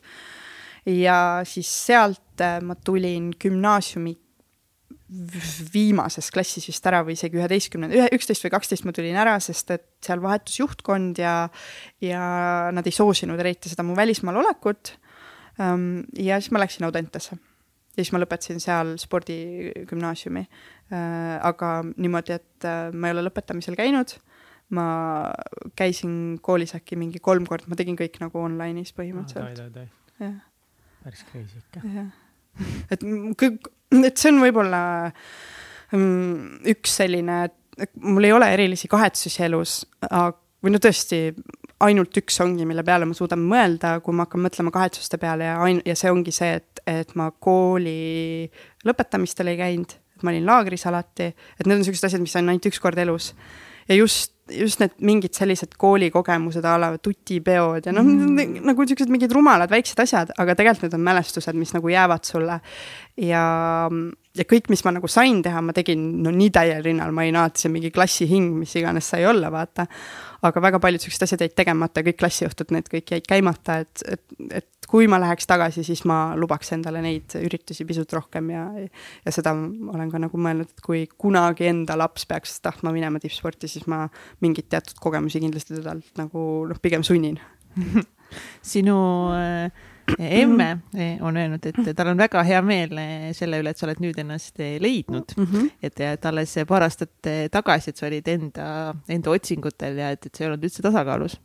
ja et uisutamisest väljatulek võttis ikka, ikka paar aastat aega mm. -hmm. ja tal on väga hea meel, et sa oled ka siis pärast uisukarjääri lõpetamist saanud väga palju tunnustust et kuidas siis, kuidas siis ikkagist selle tasakaalu nüüd siis endast tagasi leidsid ja, ja et mis, milline sinu tulevik nüüd siis või, või isegi tänane päev üldse nagu välja, välja näeb ja mis, mis Johanna siis nagu teeb siin igapäevaselt? Mis puudutab äh, nii-öelda seda enda kujunemist, siis äh, see on kõik äh, hästi palju tulnud lihtsalt eneseusust, et ma, ma tõesti olen väga tugevalt seda usku, et, et kõik saab korda alati ja, ja ma nagu ei ole päris see, et kõik läheb nii, nagu minema peab et päris see ma ei ole, sest äh, käed rüpes ka ei taha istuda. aga et äh, ma väga tugevalt usun, et kui ma ikkagi midagi soovin ja selle nimel töötan, siis alati tuleb. võib-olla ta ei tule kohe, üldjuhul ta ei tulegi mitte kunagi kohe, et, et tavaliselt ongi, et ma ütlen, et okei okay,, ma tahan nüüd midagi saavutada siis ma hakkan selle nimel tööd tegema ja siis, kui ma arvan, et nüüd see peaks see saavutus tulema, siis tegelikult elu ütleb, et davai, et kuus kuud veel, et siis tuleb.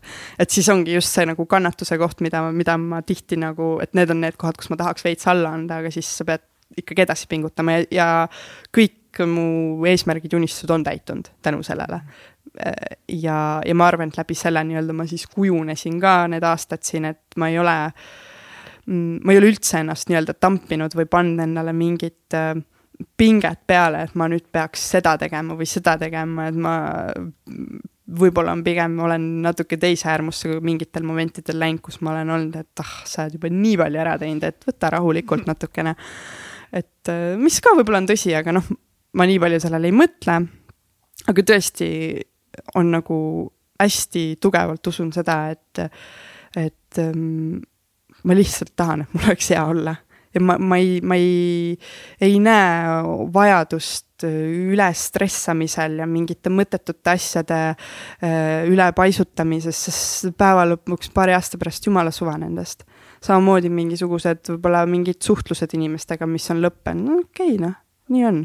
et, et kõik, kõik see nagu äh, et peamine, et mul iseendaga oleks hea. kui mul on endaga hea olla, siis, siis on kõik hästi ja siis, ja siis ma annan endale aega ja ma kujunen nagu väga ilusti ja eks mul on endale seatud teatud mingid isiklikud eesmärgid, et, et milline ma tahan olla ja, ja milline ma inimestega tahan olla ja, et ja siis nii-öelda inimesed peegeldavadki mulle seda, et kui kõigiga ma saan hästi läbi, siis järelikult ma teen midagi õigesti. ja kõik, kõik see kokku nagu annabki selle nii-öelda äh, minu, minu protsesside nii-öelda ülevaate Äh, oota, mis see teine küsimus oli siis, mis ma, mis mu, mis nii-öelda igapäevane elu on ähm,. no igapäevane elu on ka endiselt suhteliselt selline mm,, ma ütleks, et põnev, äh, sest et minu tööks on äh,, nagu ma ütlesin, siis ma olen hästi palju endiselt uisutamisega seotud, väga mitmet pidi, et ma siis toon need erinevad näited, üks on siis minu põhitöökoht, mis on äh, minu ja mu ema uisutrenni riiete bränd et me toodame Eestis trenniriideid uisutajatele, mida me siis koos disainime. Ja siis tänu sellele on mul äh, võimalus reisida üle maailma, saada edasimüüjatega kokku, otsida uusi, et me müüme, meie põhiturg on äh, Jaapan ja Euroopa ja hetkel me nagu tegeleme sellega, et minna Ameerikasse ja, ja seda protsessi ma alustasin juba enne, enne pandeemiat, et ma olin päris palju Ameerikas kohapeal ja, ja juba seal soojendasin suhteid ja nüüd ma tahan sinna tagasi minna, et me saaks nagu oma toote sinna ka. oh my god, millal su ema selle, kuidas see ettevõte algas? Oh, see ettevõte algas tegelikult ammu-ammu tagasi, kaks tuhat meil sai eelmine aasta kaheksateist aastat hmm.. see on väga ammu. ja see algas sellest, et äh, mina olin pisike uisutaja, kellel ei olnud trenniriideid. ja mitte kuskilt polnud saada ka. ja mu ema lasi paaril oma sõbrannal õmmelda mingid asjad mulle, siis teised emmed küsisid, kust sa need said mm. -hmm. ja siis okei okay,, ma teen sulle ka müüs ja siis mõtles, et noh, okei okay teeme. ehk siis business'i sellest. teeme ah,, teeks business'i. ja Seems on kaheksateist aastat tegelenud selle ettevõttega mm. -hmm. Wow. jah, et siis tema tegi selle otsuse, et ta töötas varasemalt, töötas äh, tol ajal Hansapangas päris kõrgel kohal ja, ja siis nagu, kui see asi end välju, nagu nii-öelda väljendas või noh, nii-öelda ellu tuli. ellu tuli, siis tal oli üsna lihtne see otsus teha, et tulla pangast ära, kuna see oli oh, hästi sihuke wow. pingeline töö. Ja ta oli samamoodi, et tegelikult nagu tahtis teha midagi, mis on nii-öelda enda projekt, sihuke kireprojekt ja ja tuli sealt ära ja alustas seda ja, ja noh, nüüd tänaseks oleme me noh, nagu ma ütlesin, et üle maailma nii-öelda oleme kasvanud ja ja siis see ongi minu põhitöö.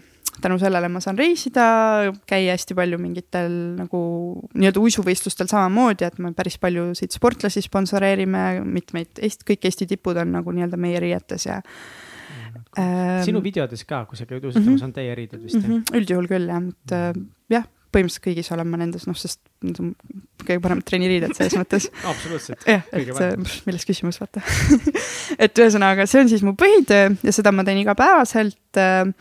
ja lisaks sellele ähm, olen ma ka, mul on esimese taseme treeneripabereid ja siis ma õpetan uisutajaid kõigis vanuses, kõikidel tasemetel, mul on äh, mõni sportlane, kes on viiekümnendate lõpus ja täitsa käib ja hüppab ja teeb võistleb ja tegin talle kava ja, ja siis on mõni, kes on täitsa algaja ja siis päris paljude mingite tuttavate lapsed toovad, vanemad toovad oma lapsi, et baasi õppida ja ja seda ma teen täitsa nagu hobi korras, et äh, siis, kui, kui vähegi on nagu, no selles mõttes huvilisi on, ma ise lihtsalt ei tee seda nii palju, sest ma ei ole kunagi tahtnud täiskohaga treener olla um,. aga kui sa oled treeneri rollis mm, -hmm.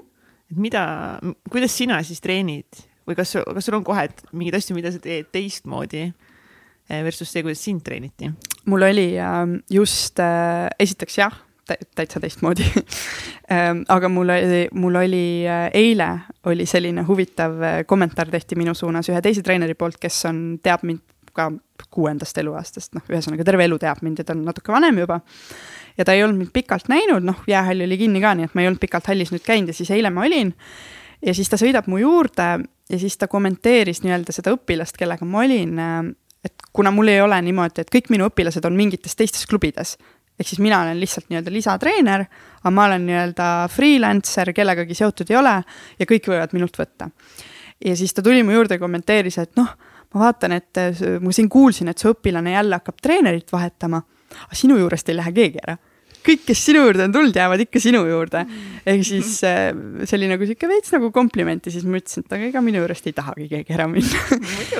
ja, ja ma tõesti, ma ütleks küll, et ma õpilastega suhtlen vägagi nagu võrdsena äh, ma väga, ma ei ole kunagi ei olnud seda tunnet ka, et tahaks neid kuidagi alandada või mõnitada ja. kutsuda täpselt, et ma nimesid nagu ei, no ma mõnikord olen, et lammas oled või? Noh, midagi, no, midagi siukest, et noh, kui tõesti tundub, et, et midagi on seal nagu, kuidas nüüd nagu sellest aru ei saa, aga noh, üldjuhul äh, ma ei, ma ei karju ega pahanda ega se, seda ei ole üldse, et, et pigem äh, püüan, püüan suhelda inimesega ja anda nagu talle ka võimalus analüüsida, mida tema ise teeb, et minu kool oli pigem see, et sulle öeldi kõik ette, mis sa valesti teed ja üleüldse, miks sa üldse sündisid, et sa tegelikult oled, sa oled paras failure. et, et siis sa pidid sellega nagu leppima. aga, aga siis ma ise üritan edasi anda seda, et, et tegelikult ei, ei ole maailma lõpp aga kui ähm,, no ma kujutan ette, et nagu väga noorelt juba tüdrukud ja poisid hakkavad uisutama ja kes võib-olla sinu juurde satuvad ka, kuidas sa näed, kuidas neid täna mm -hmm. sotsiaalmeedia äh, iluideaalid mõjutavad mm,? vot mul selliseid äh,, kuidas ma ütlen, ma ei tea, kas see sotsiaalmeedia nii palju mõjutab, pigem ma ütleks just see keskkond.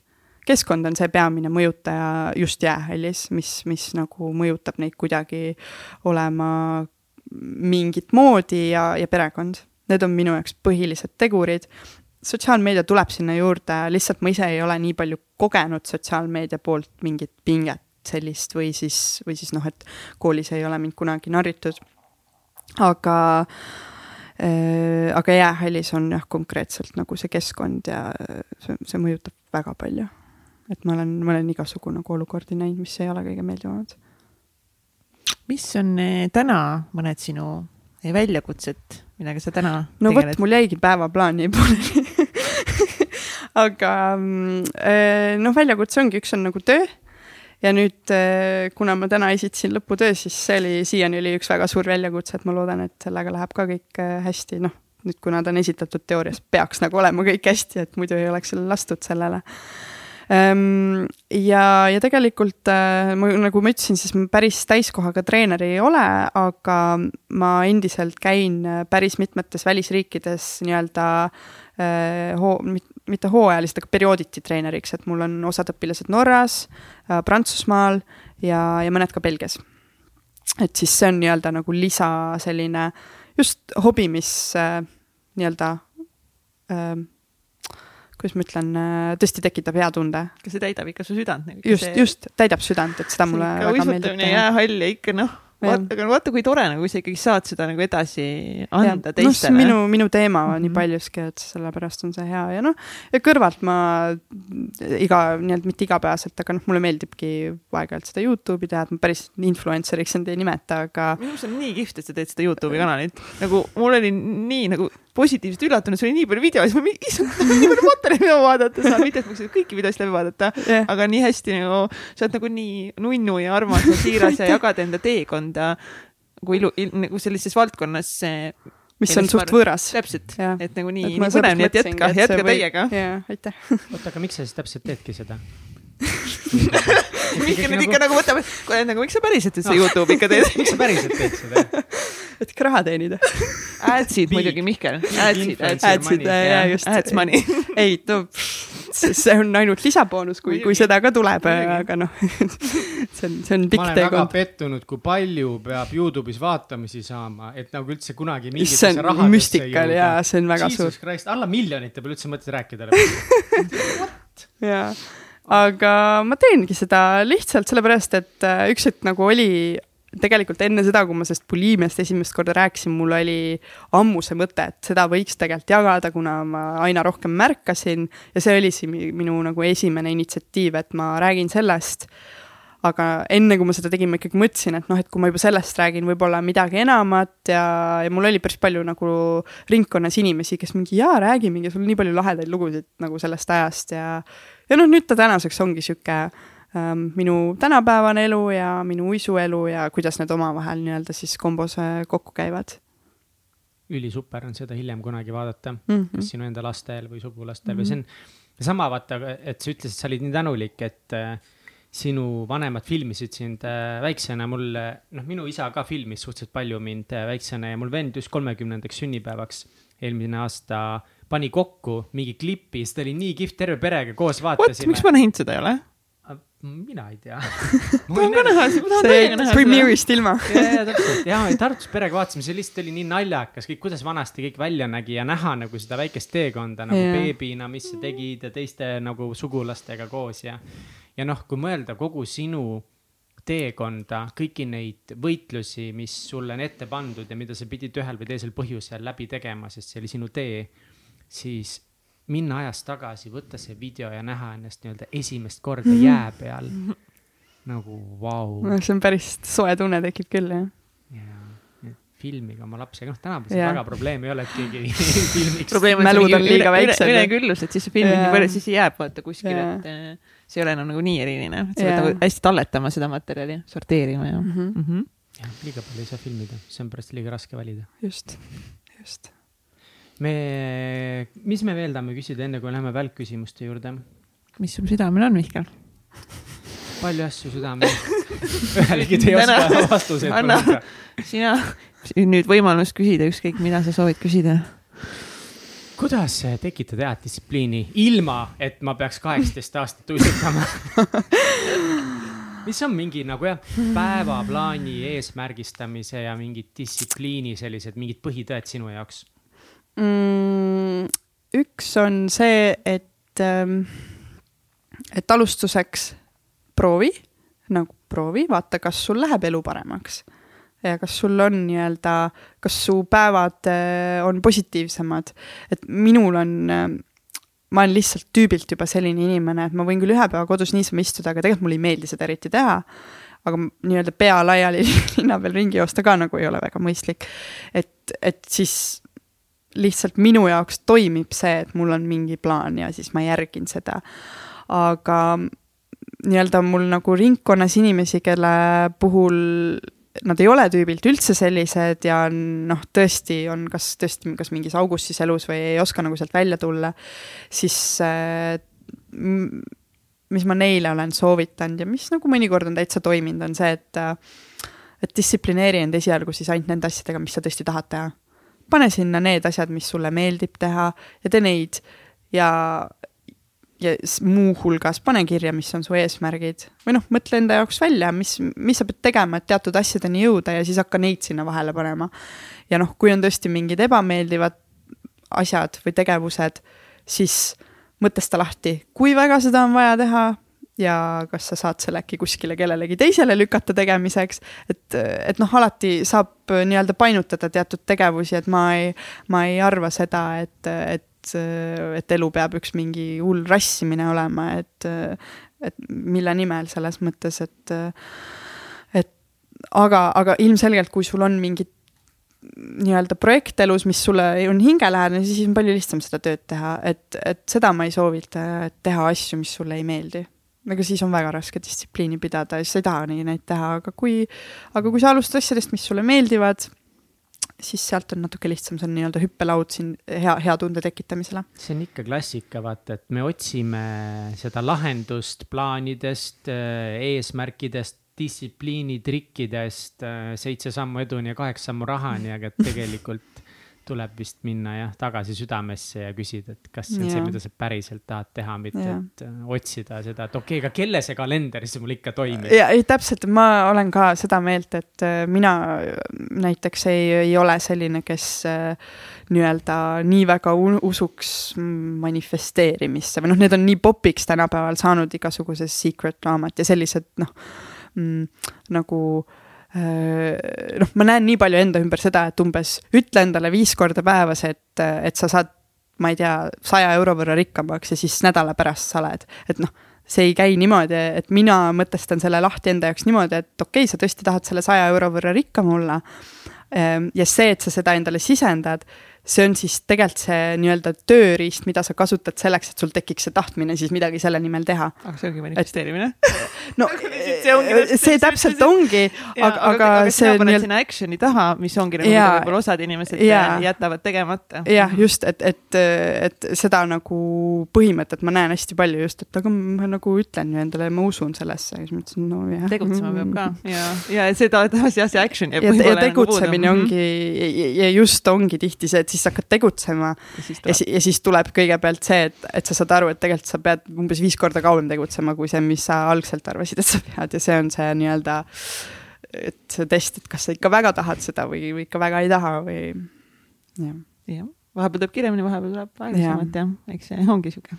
aga üldjuhul ma usun küll, et kui tõesti on olukorrad, mida sa või sündmused, asjad, mida sa ellu väga tahad, siis, siis tegelikult on kõik võimalik saada aga, aga sa pead lahti, enda jaoks pead selgeks saama, kuidas sa need asjad nagu siis saad mm.. Ja, ja kas sa päris tahad seda, see on yeah., ma olen nii palju yeah. mõelnud, just see nagu, mida sa tegelikult yeah. tahad. kui väga mm. -hmm. saates nii palju mm. rääkinud, kas siis kolm aastat tagasi ma rääkisin täpselt sama juttu nagu, aga see on nii huvitav, et sa räägid nagu sama juttu mm., aga aastatega sa ise tunnetad teistmoodi ennast selles väike vesi näkku, sa ei ole esimene meil saates, kes ei oska juua mingi teine ainult teine või? ainult teine ja see Dali oli vist kogu aeg kogu aeg jaa, tervitused Dalile siin ah,.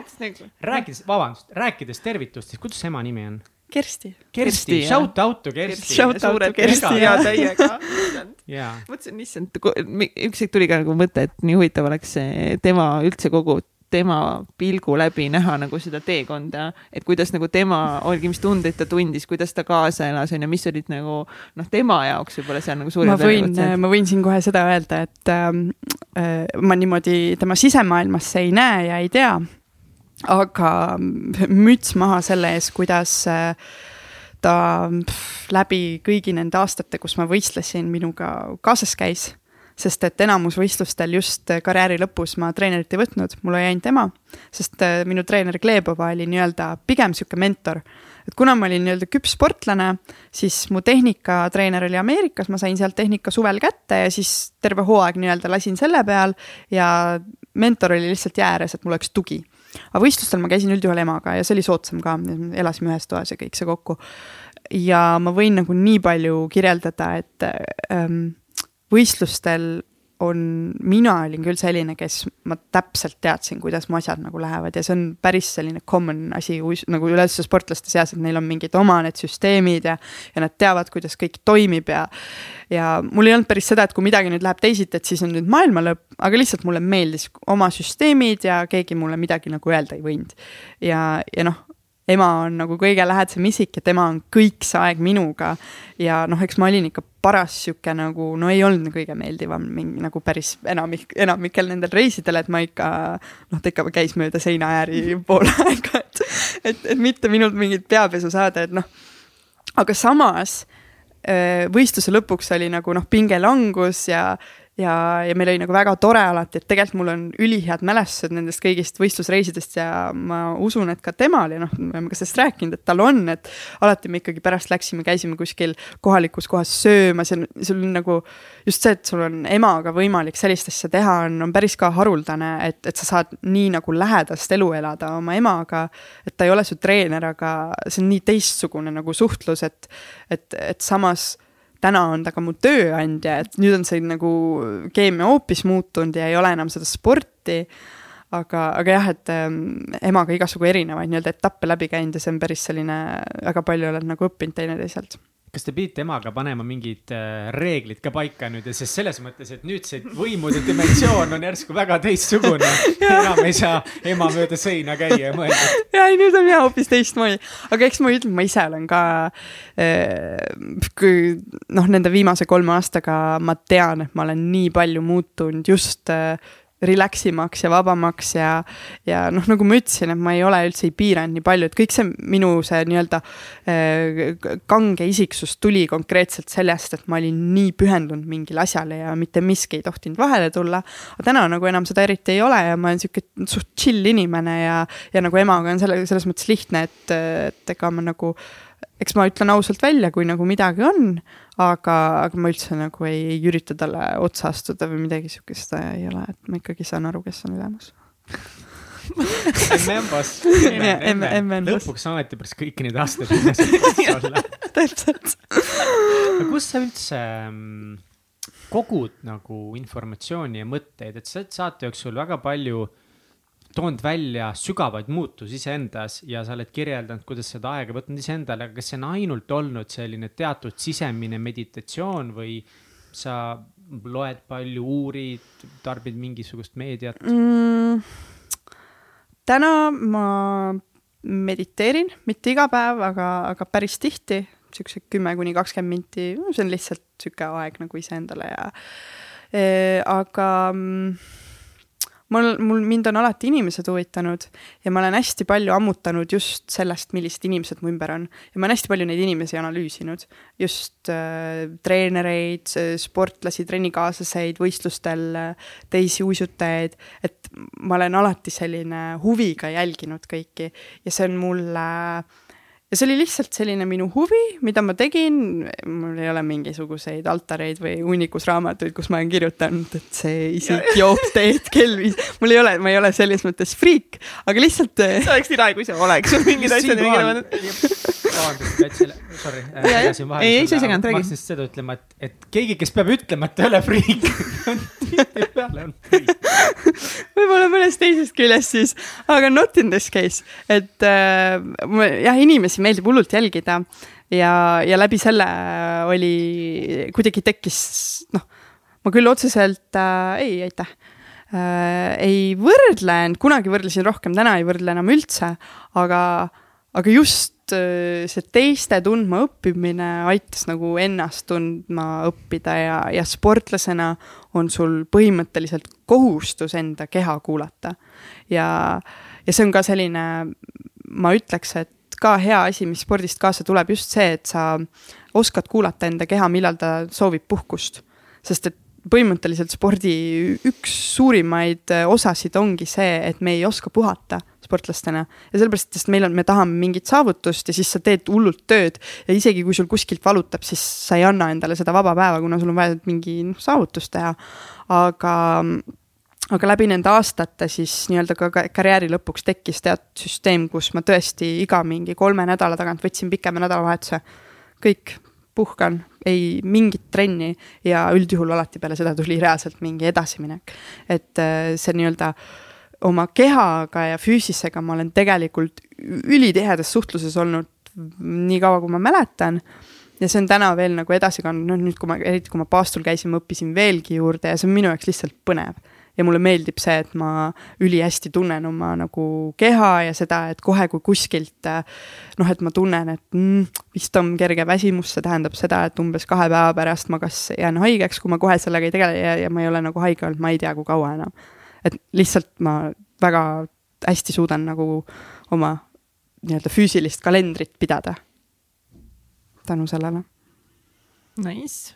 nagu lonks, lonks vett ja siis eh, veel küsimused. ma ei oska väga kuulata, veel mitte, ühel päeval. ühel päeval, see on teekond.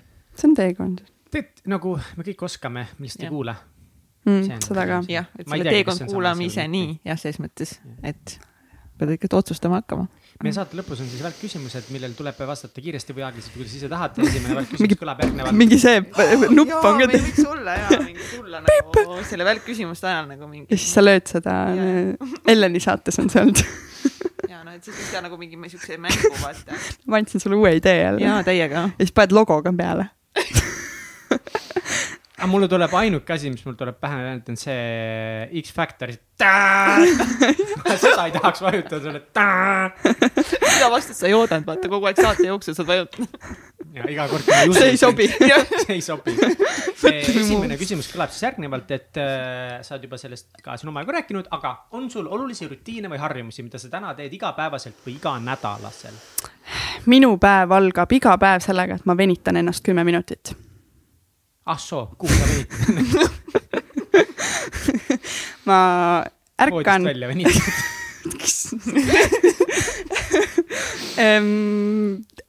mina olen sellest seda enda jaoks äh, avastanud, et kui ma ärkan ja selle asemel, et oma telefonis olla, et ma astun voodist välja, ma teen noh, mingid niisama ringutused, aga ma tõesti teen teatud sihuke jooga sarnaste venituste mingi kombo läbi, mis lõpeb üldjuhul spagaatidega. tavaline hommik, mul sama lihtsalt spagaadid järi.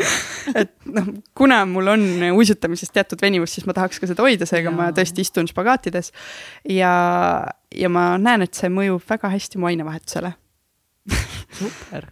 et see on tõesti üks harjumus, mida ma nüüd olen juba väga pikalt teinud, on hommikuid, kus see muidugi jääb vahele, aga põhimõtteliselt on see minu iga hommik esimene asi, et ma venitan ja ma käin väga palju jalutamas, tõesti peaaegu et igapäevaselt vähemalt viis kilomeetrit, kuidagi ma leian selle aja ja ma teen seda, nüüd suviti mulle meeldib rullitamas käia, rullustamas. aga jalutamine ja need venitused on tõesti kaks sellist põhi äh, nii-öelda harjumust, lisaks ka vee joomine, ma põhimõtteliselt mitte midagi muud ei joogi kui ainult vett äh,. ma tarbin küll alkoholi, aga väga nagu pff, tõesti ainult mingi ürituse raames või midagi sellist, mida pole ammu olnud mm,. ja ma arvan, et need kolm on minu tõesti põhi mingid rutiinid ja harjumused, aga üleüldse mulle tegelikult meeldib endale aega pühendada ja, ja võtta siukseid päevi, kus ma tegelengi ainult mingi, teen mingid näohoolitsused, juuksed, värgid, noh tõesti, et, et mitte midagi muud nagu ei tee, kuna tööga, kui sa, eriti kui sa oled nii-öelda perefirmas, mis põhimõtteliselt peaaegu on nagu sinu enda põhitegevus, siis sul ei ole kindlat tööaega ja tihti on, et ma töötan mit-, noh, ilma nädalavahetused kõik päevad. ja, ja, ja siis, ja siis ongi see, kus mul nii-öelda füüsiline kalender hakkab tööle ja ütleb, et Johanna, et tegelikult planeeri ja võta see üks päev ja et, et ära lase nagu üle võlli, et muidu ma õnneks ei ole seda juhtunud, aga ma ei taha nagu burn-out'i ka. et siis seda ma saan vältida niimoodi.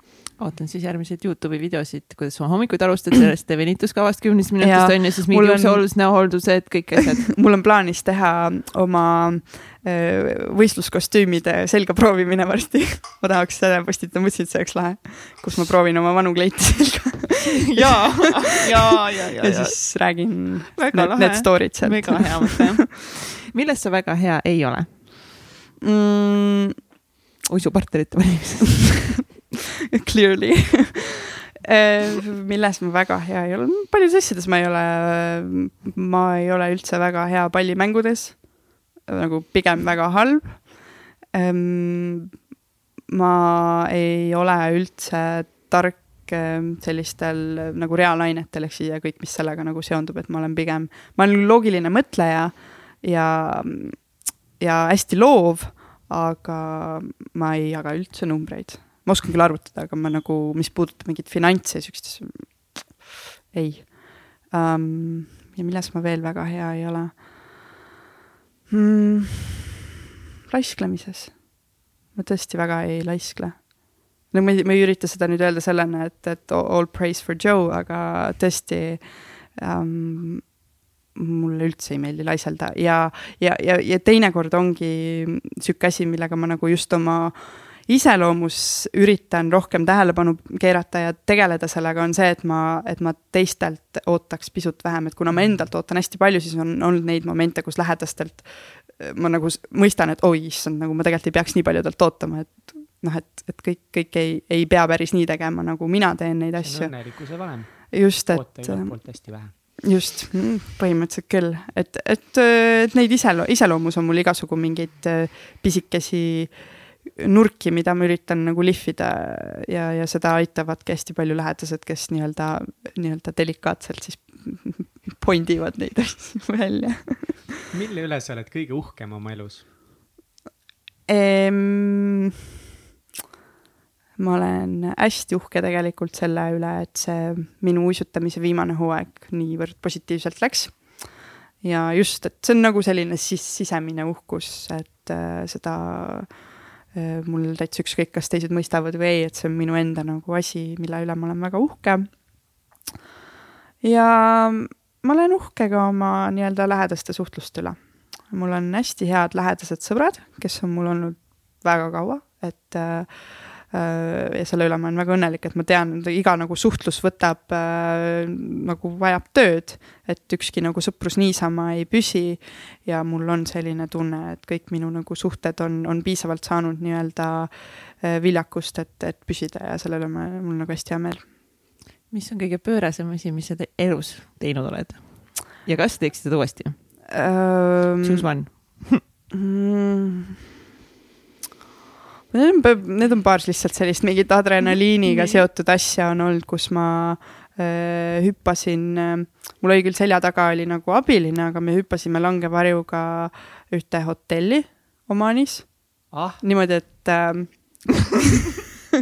see oli sihuke, see oli selline hotell, kus oli, äh, mis oli nii-öelda orus mere ääres, aga mä mägede vahel nii-öelda orus ja siis sinna oli kaks eh, viisi, kuidas sa sinna said, kas eh, four-wheel drive džiibiga või siis sa võisid hüpata nii-öelda selle parachuudiga sinna check-in'i ja ma ei teadnud seda. mis see check-in oli, jalgpalliväljaku suurune või? ei, ei olnud, seal oli nagu mingi rannaplats, kuhu sa siis maandusid ja siis kõndisid kõpa-kõpa ja seal oli nii-öelda tavaline hotelli check-in kui lahe. oh my god, kui cool. ja siis, siis kui ma, ja ma ei teadnud seda, aga siis, kui ma sinna nii-öelda platvormile jõudsin, kus see nii-öelda hüpe toimus, siis seal käis kõik nii kiiresti, et äh, öeldi, et äh, nii, selle paned selga ja, ja siis minuga koos, noh, see mees nagu, kes aitas, minuga koos jooksed ja kui ma ütlen hüppa, siis, siis hüppad ja siis ma olin, äh, ütleme niimoodi, et mul ei olnudki aega isegi väga ümber mõelda, sest ma ei ole, ma olen ikka pigem see ikka, kes päris pikalt mõtleb nagu ähm, ma ei, ma ei ole nagu päris daredevil,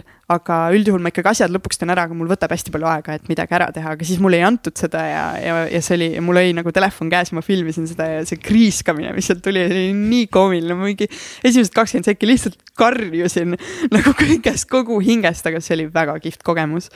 ja ma olen ka ühe korra küll akvaariumis, aga haidega sukeldunud, mis oli kihvt adreka nagu laks mulle Äh, mõlemad teeks uuesti, mm. teeks nagu siis avamerel nii-öelda sukeldumist, see on mul nagu nii-öelda plaanis ka, et ma tahaks äh, sukeldumispaberit teha um.... kas ma üldse olen elanud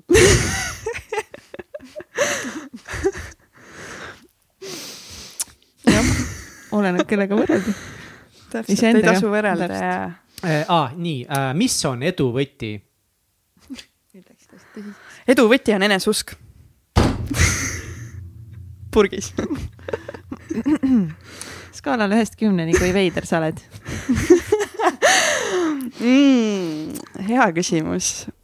ma arvan, et sihuke mingi seitse. ma ikka arvan, et kohati ma võin päris veider mõnedele inimestele tunduda ehm,. Ah kas sul on juhuslikult ka lemmiktsitaat või lemmikütlus, mis sind kuidagi puudutab um,? üks on küll selline, mis mulle meeldib uh,, mida mulle meeldib aeg-ajalt endale meelde tuletada, on, ta on küll inglise keeles kõlab, et um, what you do in the dark is what puts you in the light. ehk siis see, mida sa teed nagu noh, mina tõlgendan seda endale konkreetselt niimoodi, et kõik see, millega ma nagu tegelen niimoodi, et teised ei tea, ei kuule, on siis lõpuks see, mida ma saan nagu näidata, et, et ei pea kellelegi mitte midagi kunagi ette kandma, teed oma asja. isegi kui asjad ei lähe alati nii, nagu sa loodad, siis tee oma asja. ja seda on mulle isa hästi palju õpetanud, ta on alati, et aja oma rada, aja oma rada. kui sa usud sellesse, siis aja ja ükskord äh, tuleb ka see valgus siis. see on küll üks sihuke tsitaat, mis Ei, nagu meil- läheb korda. meil võib-olla, ei ma siin noh, kindlasti sa olid siin siukse näoga, et ma. hakkab, aeg hakkab läbi saama, raamatud hakkavad siin vaikselt eh, otsa saama. aga millal Mindseti poolt eh, saad valida siis kingituseks endale ühe Mm. raamatu? Mm. valid siis valikus üks tulemuslikkuse kunst on sinu konkurentsieelis, onju. ja teine on eh, Hall Elrodi Imede hommik. saad endale Mm. valida, kumb rohkem kõnetab. kas ma pean kohe valima või Jaa. ma võin? ja, vaata, ma pean selle välja ütlema. ei pea, ei selles Oota, mõttes ei pea, aga Aa. mina ütlen mõttes. sinu eest, noh, mille sa valid. aa ei, selles mõttes, et või mida ütlema, ma ei saanud aru, Nagu nagu et sa valid raamatu Raamat- ja siis me ei ütle kellelegi, mis sa valid või? millist edasi, kõik saavad teada ja teevad metaanalüüsi selle osas. jumal küll. ja kõik ke- kehakeel vaadatakse pärast. Youtube'ist üle. issand jumal, jumal. oled sa lugenud mõnda neist? ei ole, ei ole. äkki aitab valida. ei, ma võtan selle. Tulemuslikkuse kunst. aga noh, sul on endal oleks. mingid eh, raamatud, mis on sinu elu kõige rohkem mõjutanud ka? sa ei küsinud seda veel, onju? ei ole. Super. abits, õppisin lugema. keegi ei ole kes vastanud uh seda., Elu ma tänan sind äh, väga, et sa võtsid selle aja, sa tulid siia, sa naersid meiega ja sa rääkisid niivõrd intiimseid lugusid. osasid sa oled küll nendest juba jaganud, aga ikkagi, et, et sa tegid seda, ma nii, nii väga tänan sind. Ja sa oled väga-väga vinge, sa oled väga vinge naine. see on ikka raisk noh. ei oskagi midagi öelda, aitäh pean, kutsumast. pean nagu nõustuma sellega, et ja lisaks ongi kõigele sellele, mis sa nagu spordis saavutanud oled, sa lihtsalt nagu oledki nii armas ja särav ja nagu lihtsalt nii südamest nii tore inimene. ma arvan, et Mihkel nõustub minuga, onju, täiesti. et nagu lihtsalt nunnu. See on nagu nii Vahva. kihvt. mul tuleb, jah, mul tuleb korra, mul tuleb pähe see Steve Jobsi see põhiütlus, et, et stay foolish ja stay hungry ja siis ma just mõtlesin selle peale, et stay foolish and stay healthy. naljakas sõbrad. aitäh aitäh, kuulamast. kas saaks autogrammi? aitäh. aitäh, et kuulasid saadet Täitsa Pekkis. Saade tõid teieni Katrin Hindrikus-Karu. ja Mihkel Vetemaa. tehniline juht Egert Karu. supernatas by Priin Tallo. ÜRO Supreme Manager Kelly Treu ja NASA juhtivanalüütik Kaari Aupaju. kui see saade läks sulle korda ja inspireeris sind, siis toeta meid Patreonis, patreon.com kaldkriips täitsa pekkis. tee ära. saadet toetavad United Dream Studios, Tint Disain, Million Mindset kirjastus ja Blender. järgmise korrani.